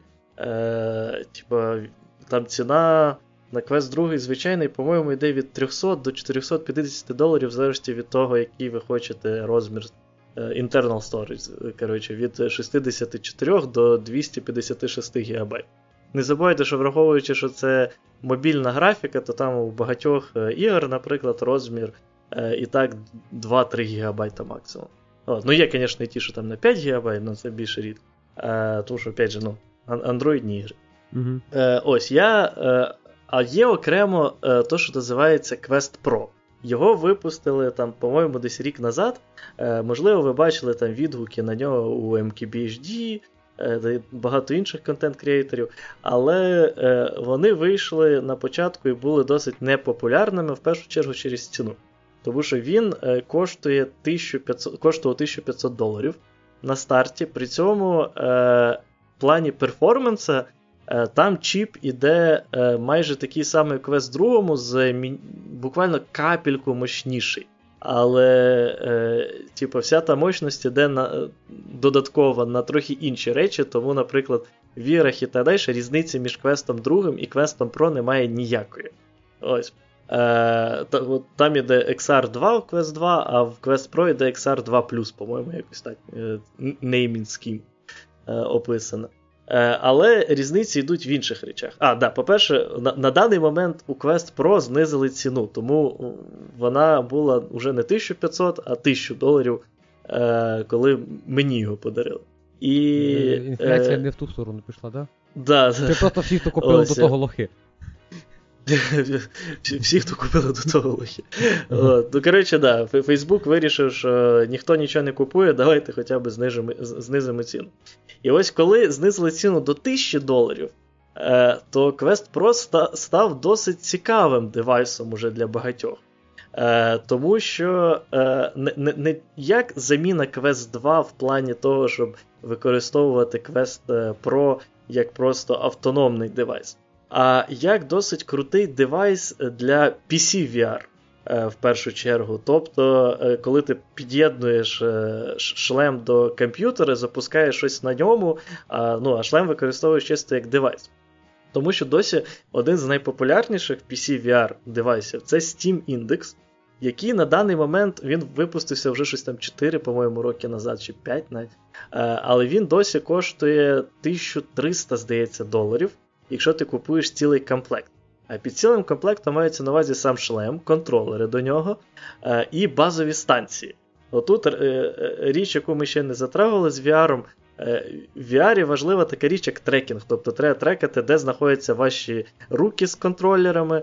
Ну, В першу чергу мається на увазі, де знаходяться самі контролери, де знаходиться шлем і тому подібне. І раніше це все вирішувалось за допомогою того, що називається базові станції. Це такі типу, блочки з камерами, які е, ну, як, в випадку Steam VR і схожих до до нього VR, їх мінімум 2 треба було купляти, максимум е, 4. І ти, відповідно, якщо там 2, то ставиш протилежні кути кімнати, е, і вони за тобою наблюдають.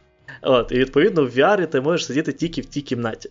Е, І от оце все разом коштує 1300 доларів. Е, У PSVR. Я е, і... доповнюю, там ці блочки вони не просто мали камери, вони ще мали аля тодішній лідар, по якому вони ну, да, могли да. розуміти, де ви де ви іменно знаходитесь. І тут, якби ну, багатьох людей, включно зі мною, в свій час виникло питання, як вони вмудряли зробити тріангуляцію з допомогою двох базових станцій.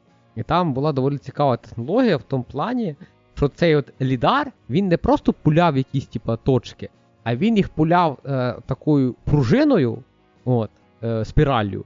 І відносно того, як потім та сама його камера це все діло бачила, він він міг з допомогою двох тільки цих базових станцій робити повноцінну тріангуляцію. Це а, всі да, мої знання продовжують. Попадав на ці статті, кому цікаво, рекомендую погуглити, там дуже цікаво. Я ніфіга не пам'ятаю, я читав це декілька років назад, тому не скажу, як це працює, але я пам'ятаю, що було цікаво. Е, Так ось, е, е, да, е, в, випадку PSVR 2 Е, і Quest 1, Quest 2 і Quest Pro е, базових станцій не потрібно. Вони використовують те, що називається self-tracking. Тобто е, шлем сам по собі трекає себе, де він знаходиться, тому що на ньому знаходиться декілька камер. І шлем також трекає ваші контролери. Тому що вони теж виділяють в інфрачервоне світло, і шлем його бачить, ви його не бачите, і відповідно трекає їх таким способом. Проте тут, от з PSVR 2, до речі, ще є одна цікава проблемка, з якою я не зіткнувся, проте е, читав теж е, в деяких рев'ю. До речі, в масових рев'ю цього взагалі не згадується. Ні про те, що я казав з е, оцією проблемою з тошнотою, через що воно відбувається. Що от на рахунок цієї проблеми. Е, так як трекінг е, PSVR про те, де ви знаходитесь і як виходите, Е, регулюється виключно цими камерами, які знаходяться на шлемі, і які теж рухаються разом з шлемом. До шлему постійно треба чіплятися за щось. Е, там ви коли перший раз запускаєте, відбувається процес е, мапінгу, там прям можна бачити через pass тобто ви бачите там чорно-білу картинку вашої кімнати, як він помічає всі там нерівності і так далі в просторі, і він далі за них вміє чіплятися і розуміти, що ага, та нерівність там, змінилася трохи від неї дистанція, значить, чувак пішов трохи вперед і так далі. Проблеми виникають, коли у вас е, клінічно чиста кімната. Е, без особливо мебелі. Тобто, якщо у вас там сильно модерн стиль, де у вас є виключно, там, я не знаю, в кімнаті. Я... Е, Прикинь, ти собі зробив ігрову, щоб там більше нічого не було. Да. Коротше, якщо у вас да, телек, плойка і білі стіни. Якщо ще хоча б телек є, то хоч трохи терпимо, але якщо ви зробили там кімнату, типу, чисто під VR, і у вас там ніхіра нема, просто щоб максимальний простір, є реальна можливість, що він тупо працювати не буде. Тому що йому не буде, або буде дуже сильно глючити, тому що йому нема за що зачепитись. Чим більше мусора у вас в кімнаті, тим краще буде працювати трекінг. Мам, мам, це для того, щоб в ігри хорошо грати, я приберу потім. Да, Тому е, майте на увазі от такий ма- маленький нюанс з трекінгу. Е, Причому, з того, що я чув, то е, там квест трохи менше від цього страдає, чим PlayStation VR 2. Не знаю чому, там чи у них краще просто розташовані камери, чи якось більш кращі алгоритми цього всього. Але більше всього я чую якраз про ці проблеми з PSVR 2, але в цілому будь-які хедсети з селф-трекінгом будуть від цього страдати, тому що їм треба за щось чіплятись. А якщо ви живете, типу, валя, як для в, в американських фільмах показують кімнату психушки, де просто все біле, е, от, і м'яке, е, ось і освітлене одинаково, то тут уже будуть проблеми. Е, Коротше, інклюзивність е, у VR поки що так собі.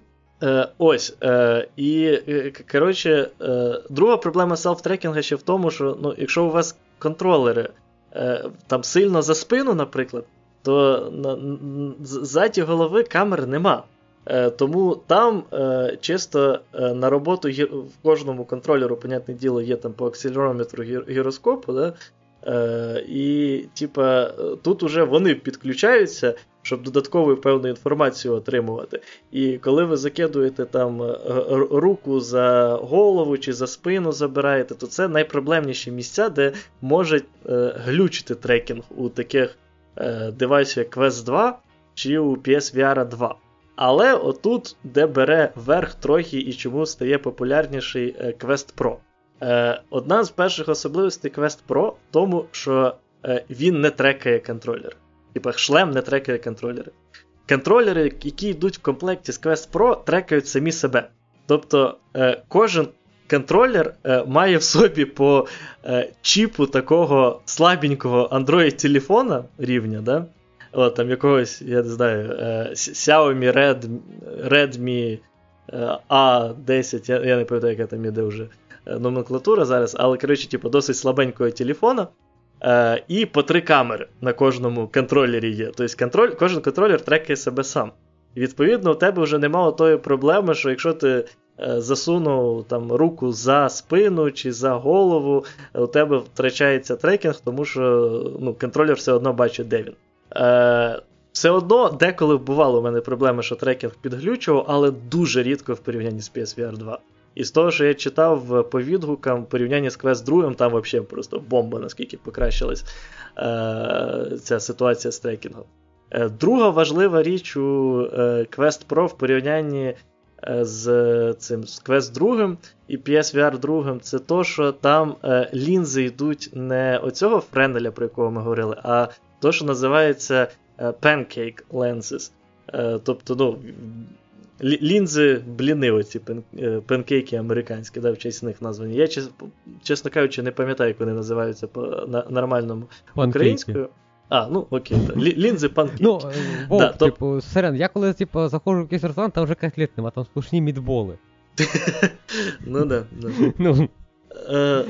Е, е, да, І коротше, типа, в чому плюс оцих панкейків в тому, що у них дуже великий sweet spot. Тобто ти, типа, надіваєш шлем, і там як би ти хріново його не надів, тобі насправді важко завітити, що щось. Типу, якщо ти його дуже хріново надів, лінзи, типу, взагалі поставлені через жопу, то ти все одно далеко не факт, що відразу замітиш, що, що є якась проблема. От, Плюс, якщо ти нормально їх поставив, то, типу, ти можеш спокійно дивитися очима вліво, вправо, вверх, вниз, і у тебе не буде оцього ефекту, як на лінзах Френеля, то що там по бокам все розбито. От, тобі треба повертати голову. Тобто картинка в цьому плані набагато краще виглядає. Мінус в тому, що е, типу, чому всі просто не почали використовувати ці панкейки? Чому PlayStation VR не почав їх використовувати? Е, Яркість вони набагато сильніше знижують. Е, У мене проблем з яркістю е, у цього Quest Pro, ну, я їх не виявив, тобто мене вона повністю влаштовує.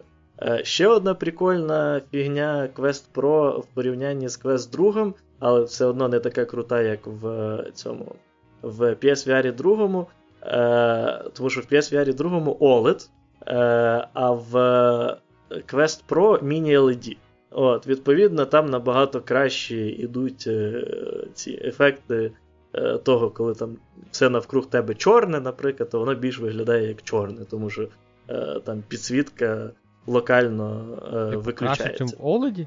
Ні, не, яка краще, ніж у Quest 2, де немає міні LED, але гірше, ніж у PlayStation VR, mm. тому що там OLED.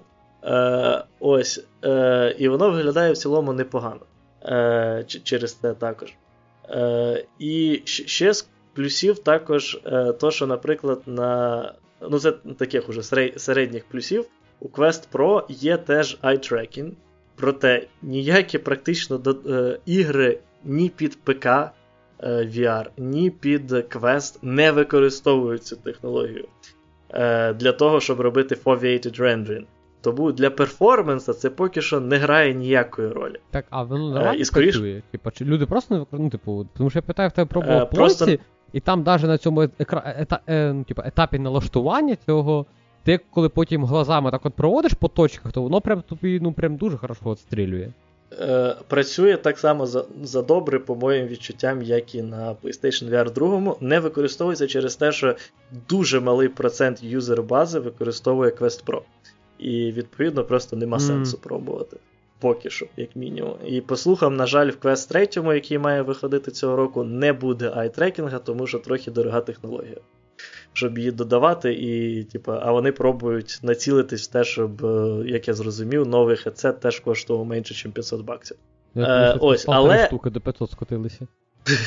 Да, але е, ні, ну так Quest 2 коштує менше 500 баксів на даний момент. Mm. Це ж лише Quest Pro коштує 1000. Okay. Ну, і на початку 1500. Але в чому плюс цього eye tracking а? Е, Плюс в тому, що на відміну від PSVR 2, Е, Quest Pro завдяки айтрекінгу вміє автоматично, якщо він тебе включений, налаштовувати під тебе розташування лінз.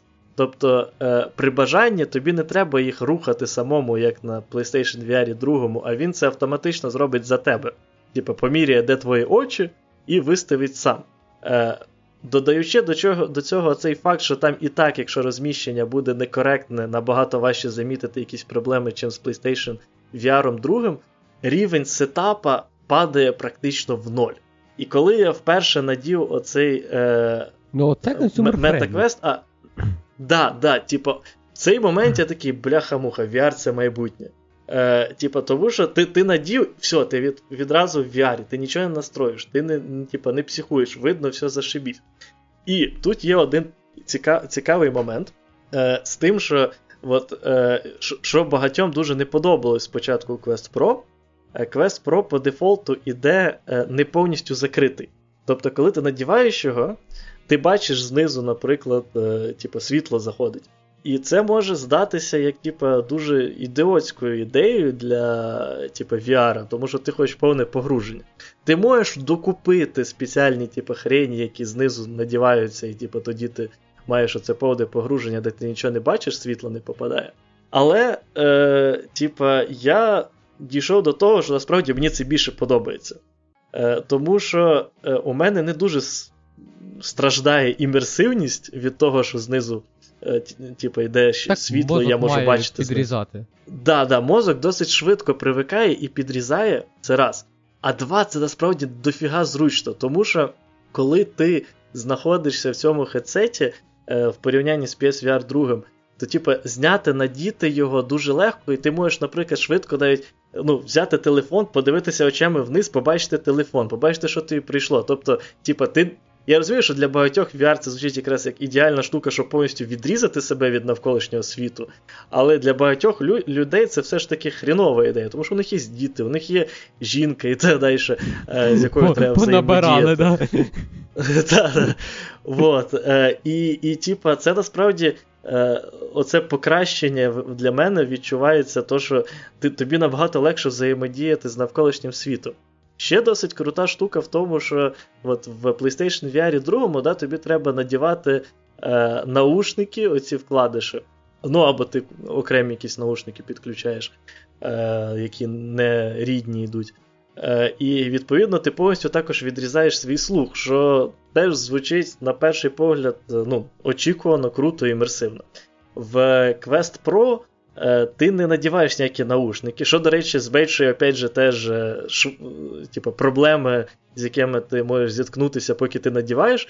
У нього просто, типу, ну, всередині є динаміки, і я думав, воно буде звучати жахливо. Ні, воно звучить, типу, досить круто. Тобто, ну, в мене а там це, слух типа, не... п'єзо чи це динаміки-динаміки? Це ті, які в кость е, що, що ще раз? Ну це ті, які в кость тобі грають? Ні, ні, ні, ні, це динаміки-динаміки. Тобто люди навкруг mm. будуть чути mm-hmm. гірше, ніж типа ти, тому що вони направлені всередину. Mm-hmm. Але, типа, як на мене, вони звуч... звучать для 99% ситуацій шикарно. І, типа, тобі не треба взагалі ніяк мучитись з тим, що ти надіваєш якісь наушники, ти просто надів хедсет і все. Третє, отут е, моментами залежить від людини. Але що мені, що дівчині, е, він ідеально е, е типу, лягає на на тебе, тому що він іде типу, розділений на те, що є типу, передня частина, ну, де відповідно лінзи і так далі, і батарея йде типу, ззаді, і воно йде на е, типу, твердій такій штуці, яка розтягується. І відповідно ти його просто розтягнув, надів, відпустив ззаді, типу, подушечка, яка в голову ти впирається спереді подушечка, і перед очима лінзи. І, е, типу, надіти, зняти секунда. Буквально реально. Е, І, е, типу, від цього відчуття офігенне. Але я читав відгуки, що не всім він зручний, ну, але що під мою голову, що під голову дівчини підійшло ідеально. Я тут трошки е... закинув, знаєш, таких речей, які да. типу, це от не відрізають тебе від світу. Коротше, пару місяців тому, десь місяці два. Е, мене Іра вболтала купити е, до хати еплові наушники проводні AirPods. Uh-huh. Тому що їй, типу, деколи треба. Вот, нафіга. Тому що, типу, деколи треба до робочого ноута швиденько підключитися, а там, типу, все через віртуалки, відповідно, Bluetooth дуже часто звук не прокидує. Ну, коротше, типу, uh-huh. оце діло. Плюс, типу, до цього Windows ноуту, який нас теж час від часу AirPods підключити, це щось просто неймовірне. От, А в неї AirPods Pro, в мене там обичні, другі, по-моєму, AirPods, може навіть перші. А, Коротше, і ми, я купив собі, ну, купив до хати оті, от, за тисячу гривень, знайшов, типу, Apple проводні наушники. Перше, це, типа, ну, це єдині мали, типа, Apple наушники, це єдині наушники такого формату, які в мої, з моїх вух не випадають. Ну, е, mm-hmm. До того я ходив в капельках, якщо хтось пам'ятає, але ну, вакуумні наушники весь час вбили капельки, я від цього страждав. От. Mm-hmm. Е, і, коротше, перше, я тепер, коли пишу відосик на свій YouTube канал, я себе можу моніторити через маленький білий наушник. Е, І це набагато точніше, тому що я вже тут з тобою говорю, я привик, що я все себе моніторю. Тепер мені писати звук без моніторинга, це вже ну, фігня якась виходить. От. Я все одно там звуком лажаю регулярно, але то таке. От. А друге, типу, Ірі закрило це от питання, типу, з віндовими машинами. І я тепер, коли граю плойку, я не беру сонячні свої наушники. Ну, типу, якщо типу Іра вдома, я беру ці от AirPods, втикаю її в контролер. Mm. Я не мішаю вдома, тому що в мене ну, звук чисто йде там з ігор, чисто мені в вуха, але при цьому я спокійно чую все, що відбувається в оточуючому світі. Е, там, То, що мені там дзвонить телефон, хтось пише в Телеграм чи ще щось, тому що я все більше і більше замічаю, наскільки ігрова приставка вибивається зі всіх екосистем. Там немає ніяких цих. Ну, знаєш, там, типу, Телеграм в тебе стоїть на всіх, типу, девайсах. Там дзвонки ти теж, типу, якщо тебе там iOS і Mac, то типу, ти це все бачиш. Чи там, типу, якщо в тебе там Android і там Mac, ти там тобі можеш це настроїти через типу, там, сусідні екстеншени, які до, до Chrome, до. О, а ігрова приставка, вона все, ну, типу, ніяк не зв'язана ні з чим. Ну от, І через то такі штуки реально дуже сильно рятують, які наоборот лишають тебе в реальності. Да, да, і от е, Quest Pro в цьому плані робить крутий прецедент. Тому що, як на мене, якщо розвивати віртуальну реальність, е, багатьом якраз потрібна буде така можливість не повністю відрізати себе. Е, ну, Quest Pro ще, до речі, він позиціонував себе в першу чергу як е, VR-AR девайс. Тобто, от що ще відрізняє його від цього. Квест другого це, типу, всякі додаткові можливості для е, AR. Якось в плані AR е, камери. Е, коротше, оцей Pro, він в порівнянні з PlayStation VR, по-перше, кольоровий. Але, типу, як на мене, він виглядає гірше, ніж PlayStation VR 2. Тобто я думав, що там має бути під з камери прям такий адекватний, нормальний. Ну, ні, ніфіга. Тобто, користув... типу, можна побачити багато різних е, та відео, як люди знімають, як там AR різні додатки можуть виглядати на Quest Pro. Е, і там, типу, відповідно, е, AR на ця фігня малюється поверх звичайного нормального відео. Це ніфіга не так виглядає. Тобто, е, при тому, що Quest Pro в першу чергу планувався для от, як показати можливості AR, AR там виглядає жахливо. От, е, Але в плані VR, е, що мені дуже ще зайшло. А, до речі, ще про цей eye tracking. Да? Там насправді є не тільки eye tracking, а ще й mouth tracking. От, е, Тобто, цими внутрішніми камерами вони ще вміють е, дивитися на твій рот. Нафіга це все потрібно, раз більшість додатків так це не використовують. Більшість не використовують виключення це всякі соціальні штуки в плані того ж Horizon Worlds і тому подібне, фейсбучне, де вони продвигають оцей свій метаверс. Там прикольно, то, що ну, в своїх аватарах якби повністю трекаються очі, трекається рот. Е, І відповідно це покращує віртуальну розмову. Е, то Тому що ну, більше додає mm. до неї реалізму.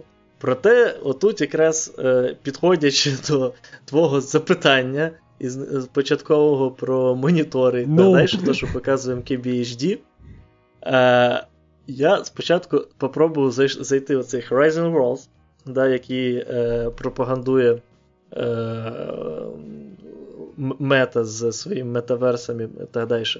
Він в Україні недоступний. Е, Він доступний поки що лише в п'яти країнах світу. Е, куди Україна, ясне діло, не підходить. І то він, по-моєму, лише в цьому році став доступний в п'яти країнах світу, до цього він був доступний лише в Канаді і США. Mm-hmm. Тому так, коли, так, типу, там... від східного до західного побережжя. Так, да, да. Ось. Е, то Тому це десь спрацювало.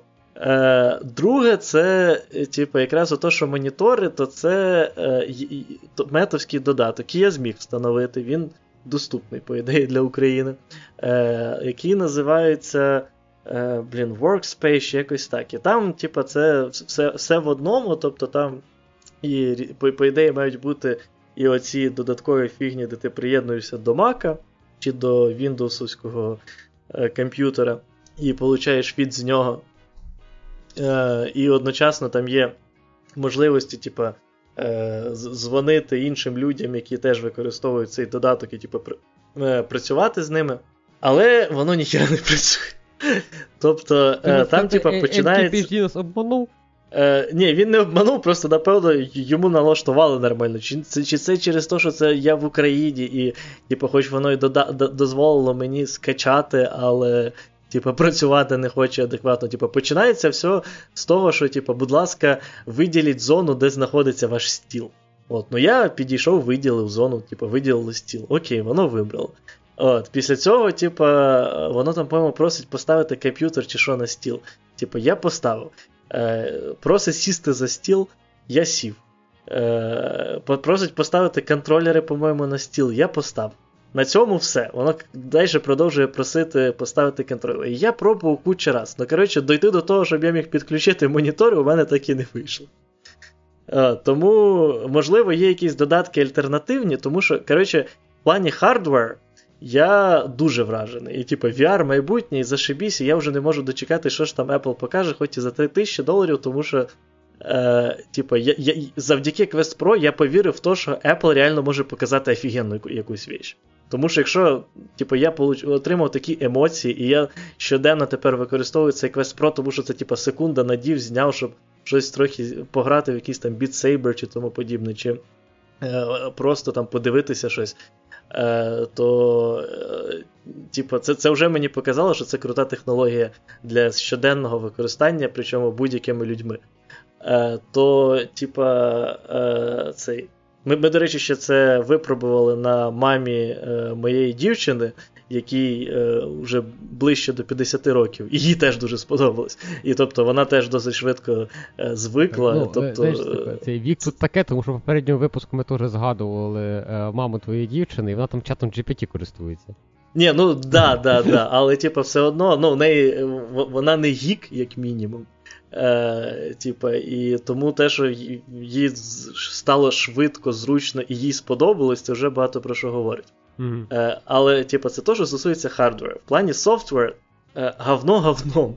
Типу, все, що стосується Фейсбука, особливо. Типу, всі його додатки, там, фейсбучні, які випускаються, вони там мають оцінки е, там, 2, 3, Е, І не просто так, тому що все або не працює, або працює дуже погано. Як Інстаграм Самому...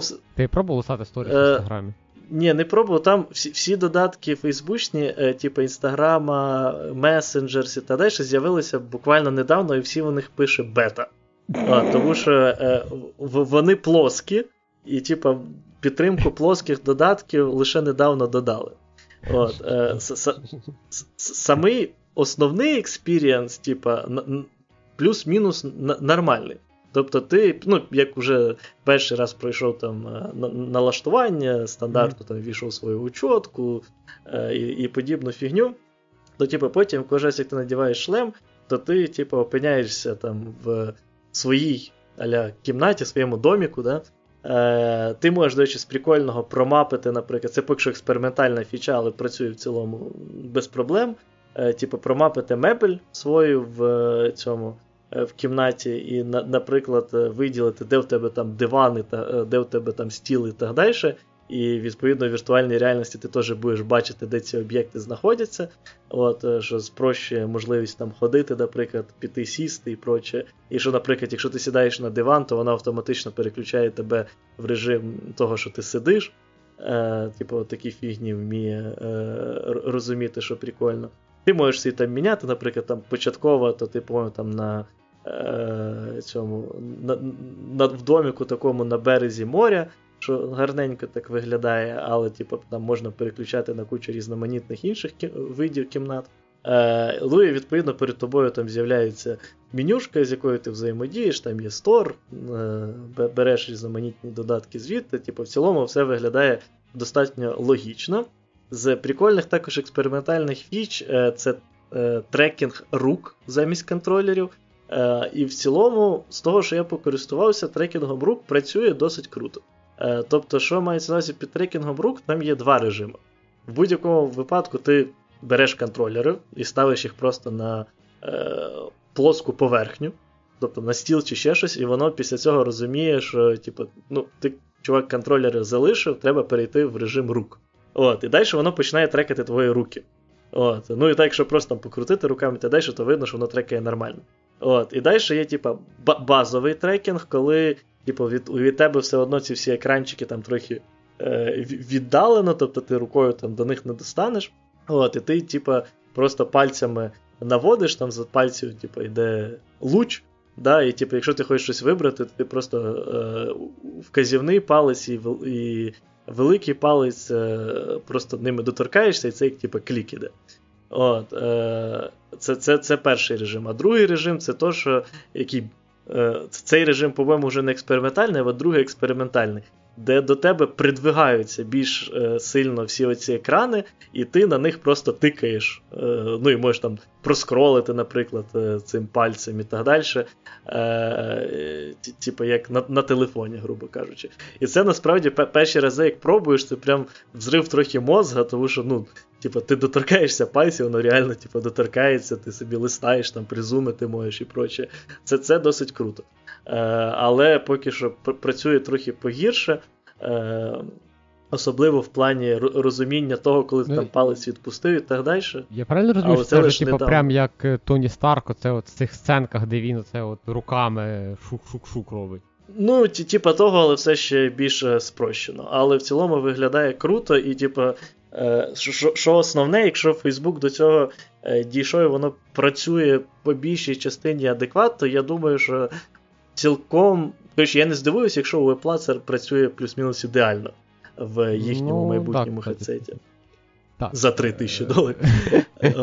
Де, де, де послуха це, має бути. Це вже є якісь слухи, що буде стоїти 3 косаря? Чи це, да, це да, так? Да, це, ага. Ні, ні, це це, це слухи, що буде я... коштувати 3 штуки. Знаєш, я тут тебе слухаю про всю цю штуку, про Facebook. Я думаю, це кстати, буде хороша фраза під закінчення, тому що я не знаю, як так працює. Ріпер мені каже, що ми пишемо трошки більше 4 годин, але я пам'ятаю, що ми сіли, типа, ну, нехай в 6.30, а зараз, типа, 22.30, я такий, типа. А, це 4 години ми є. Це ми сіли в 6.20, да. Ну так, да, ну типа це є 4 години, sorry, це ж математика. Mm-hmm. А, ти слухай, я можу помилятися, по-моєму, це сказав Сем Альтман. От. Uh, future already here, is just not delivered. Future already here, а що далі було? It, it, it just not delivered. А, ну. Е, типу, ну, що якщо отак от подивитися, то в цілому, ну, типу, ну, все, майбутнє вже все придумано. Лишилось його просто всім розкатати. Ну, до до, до речі, от ще з майбутнього того, що недоступно на PSVR, що мені дуже зайшло, це перегляд фільмів. Типу, тому що ти можеш дивити, типу, є такі, такий додаток, наприклад, як Big Screen, там насправді їх багато цікавих, Skybox, DevVR, mm. DeoVR. Ось, і типу, в, але в Big Screen е, типу, зроблено так, що те там теж там, штук 40, по-моєму, різноманітних сцен, е, в яких ти можеш типу, дивитися якесь відео будь-яке. От, е, Тобто можеш там просто свого сервіса, сервера роздавати. І я, типу, вплоть до 8К е, Quest Pro без проблем е, разом з моїм ноутом типу, працював. І Типа, це, наприклад, один з варіантів сцени це просто величезний IMAX кінотеатр. Ти, ти собі на цьому IMAX кінотеатрі спокійно дивишся 4К фільм. Причому 3D-фільми виглядають шикарно. Тому що ну, основна проблема 3D-фільмів в кінотеатрах, наприклад, це те, що ну, тобі треба надівати оці очки, вони е, типу, все одно зазвичай не, не, не ідеально відображають картинку, плюс із-за того, як працює сама технологія відображення 3D, у тебе втрачається яркість, так як на кожну, ну, на, на, на кожне око ти береш лише лише половину світла. А, І е, відповідно з цією пониженою яркістю 3D часто виглядає гірше, ніж 2D. А на віртуальній реальності то цієї проблеми нема. Тобі і так на кожну, mm, на кожне око окрему картинку показує. Тому 3D виглядає набагато шикарніше. І в цьому бікскрін, наприклад, ти можеш. 3D by design. Да, да. Да, От, І плюс на бікскріні ти можеш е, там дивитися, наприклад, з іншими людьми. Тобто робити, там, не знаю, якщо у тебе там е, друг, подруга чи ще хтось е, там за тисячу кілометрів від тебе, а ви хочете там разом фільм подивитися, то ви буквально в віртуальній реальності можете там сидіти один з одним, навіть притворятися, що ви їсте попкорн, або кидатися там помідорами і прочі, одночасно дивитися і обговорювати uh, in real time цей фільм.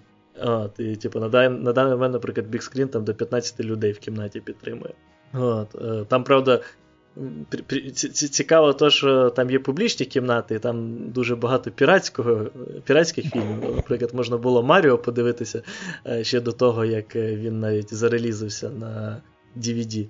чи точніше Blu-ray. Mm. Ось.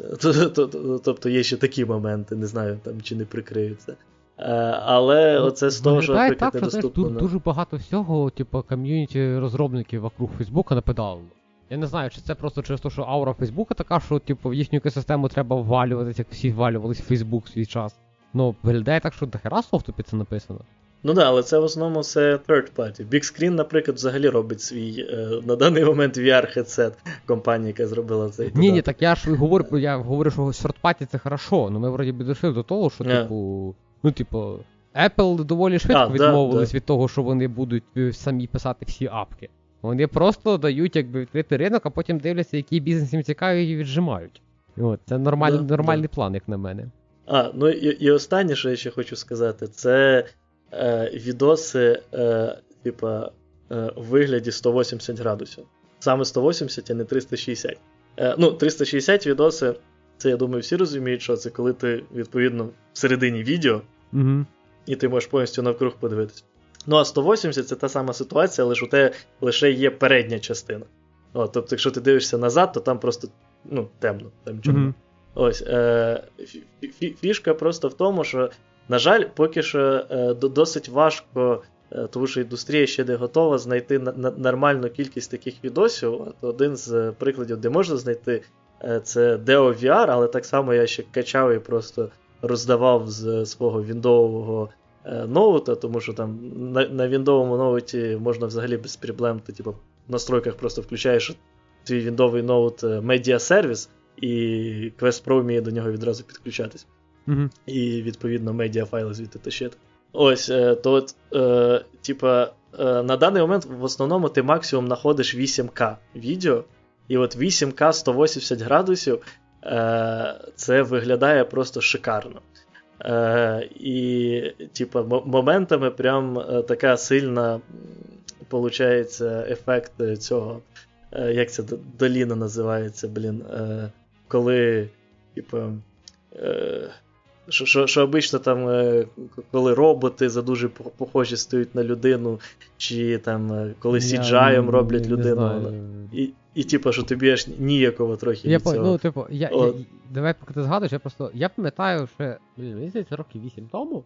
А, Та якщо не більше, якщо не 10 років тому. На Ютубі почали, ну, типу, цей Ютуб анонсував, що у них можна зробити, типу, 360 відео. І ти якби ну, відкривав апку Ютуба, телефоном крутив, і відповідно ти якби ну, побачив інший кусок відео. Я пам'ятаю тоді свій experience, я подивився кілька таких. Ну, в ітогі відео приходиться передивлятися кілька разів щоб побачити ну, типа, різні куски. Тому що ти типу, ти дивишся один раз, коли ти дивишся вперед, дивишся один раз, коли ти дивишся назад. От, І це перетворюється в якусь роботу, а не відпочинок насправді. Тому що тобі треба як дібіло, це от пальцем водити туди-сюди, типу, або тут головою махати, щоб ну, побачити все, що там зазнято. Е, це якщо 360, тому я кажу, що майбутнє насправді за 180 градусів, тому що тут не треба крутити особу ніяк головою, але у тебе повністю заповнений весь твій field of view ну, за, назад тобі дивитись взагалі не потрібно. Е, І, типа, ти, по суті, бачиш, як ну, в, в, в, в реальному житті. При цьому 180 е, краще, ніж 360, тому що е, при одинаковому розширенні е, ну, у тебе набагато більше пікселів на градус. Так, так, да, да, я розумію. В два рази приблизно. Да. Ось. І, е, типа, е, коли е, там. Там на Deo VR є дофіга різноманітних відео, е, які 8К, плюс окремо можна качати. Я там знайшов навіть одного чувака, який типу, свої подорожі е, цей знімає в 8К 180 градусів і типу, викладає на Патреоні е, в повномасш... ну, коротше, повні файли. Е, і там, типу, всього за долар можна взяти, що це теж дуже круто виглядає. І. Е, Коротше, типа, коли отак лице людини, наприклад, зблизька, ти ще тро... Е, на початку особливо, типу, насправді, чим більше ти в VR, тим більше ти виглядає вже практично ідеально, ти бачиш лице. Але особливо на початку ще трохи ти помічаєш, що типу, маловато пікселів. От я думаю, якщо дійде е, навіть не факт, що до 16К, мені здається, навіть 12К буде вже достатньо для того, щоб е, типу, у тебе практично відразу оця ідея того, що це все ж трохи нереально, пішла нафіг. Е, Тому що ну, при 8К воно вже дуже близько до того, що ти просто з відкритим ртом, типу, бляха-муха, я практично реально в тому місці. 12 е, чи 16К, я думаю, точно туди при, при, приведуть. Ну, 12К камери вже є. Типу, причому плюс-мінус да. мас-маркет. Ну, понятно, що це не FMCG, але, типу, це типу, доступні продукти вже. От. Так що, maybe. Ну, чекай, щоб мати відео 12К, треба камеру 16К, тобто треба ще трошки почекати. Ну, да, да. Е, Ну, і до речі, е, ще якщо хтось теж експериментує з цим всім, е, YouTube хрінове місце. Е, Тобто у YouTube більшість з цих 180 і 320, е, ой, 360 градусів е, обмежена в якості якогось чорта все одно в. Навіть якщо там пише в заголовку відео 8К да, чи 4К, е, то там, до речі, різниця між 4К і 8К просто бешена, якщо що, е, то типу, там все одно дуже часто обмеження в 1080p і дуже рідко до 4К доходить. Е, і, Причому і, я думав спочатку, що це. Зразу докину, sorry, да. що, ну, типу, YouTube відізвісна тема тим, що він, типа, що то, що він пише, навіть типу, в меню настрою по цього яркості, що це якісь його місні, там, типу, 4К, 8К. Ну, типу, да, Воно да. не виглядає так, як 4К. Е, це можна порівняти банально з Netflix. Відкрийте відос на Netflix 4К і на YouTube 4К. Ну це небо і земля насправді. Ось тому я би рекомендував в першу чергу самому е, шукати контент, качати на ПК і стрімити звідти, тому що так ви най- найлегше знайдете максимальну якість, яка не портиться е, стрімінгом. Е, Да, на даний момент е, дуже важко шукати щось, що не порно. е, Типа, контент від VR в основному це порно. Типу, порно двигатель прогресу, і тому кожен раз, як ви шукаєте 8К VR, скоріше за все, першу чергу вам буде пропонувати порно. Навіть оцей Deo VR, я насправді, типа, так і не. не, не Типа, як я зрозумів з того, що я читав на Reddit, Типу, я просто див... у нього є платні відео і безкоштовні відео. Щоб дивитись платні, тобі, відповідно, треба зареєструватися і купити підписку. Але щоб дивитися безкоштовні, які теж є 8К, е, тобі не треба типу, ні, реєстру... ні реєструватися, ні купляти підписку. Е, і я дивився виключно безкоштовні. Але, як я правильно зрозумів, Е, там, е, Я я попробую просто дожати на оцей sign-up, він тобі навіть не дозволяє е, зареєструватися з хедсета, це треба обов'язково робити з ПК. І далі, як я зрозумів, типу, фішка в тому, що на ПК бібліотека відосів е, сильно інша. І е, типу, ти на ПК можеш вибирати, який відос ти хочеш подивитися, і тоді він буде автоматично грати у тебе. Е, ну, якщо у тебе той же самий аккаунт залогінений на е, хедсеті, то він буде автоматично грати і на хедсеті. І ось на ПК вони в основному продають порт. Просто, типа, мета, як я розумію, не дозволяє е, такі додатки, які mm-hmm. спорно в цьому е, в сторі. Це... Тому вони отак обходять цю проблему. Це буде новий. Е... Це буде е, новий, нова колекція мемів, коли оце от включив порно, а там, типа, наушники в сестри, чи там там телефон підключений до телевізора. Оце от тема, коли ти сказав, що типу там ти включаєшся на ПК і воно починає грати в твоєму VR-шлемі, і що це, як правило, це порно. Ну, типу, я думаю, кількість неловких ситуацій з цим виросте. Да. Бо я, типу, ну, зараз цей термін перейшов, але мені в Тіктоках часто попадалося ці ну, типу, нарізки, де, типу, там, типу, не розумію, чому в порно нема звука, і типу, тут заходить сестра, чи там тут заходить мама, щось таке. Mm. І і, і починається порно. Тому що це step sister і step mother. Так, тому що це типа е, порно від камеді, так? Да. Ну, коротше, да, да. я комеді цілому... це то, як, ну, типу, комедія це як на жаргоні порноактори і актриси називають, коли є, типу, сюжет. Е, коротше, в цілому я Quest Pro дуже сильно е, задоволений. Е, батарейка, якщо що, тримає, е, якщо те. Ну, у мене зазвичай виключений eye-tracking, тому що е, ну, він мені не потрібен, так як в тих додатках, яким я користуюсь, він не працює так.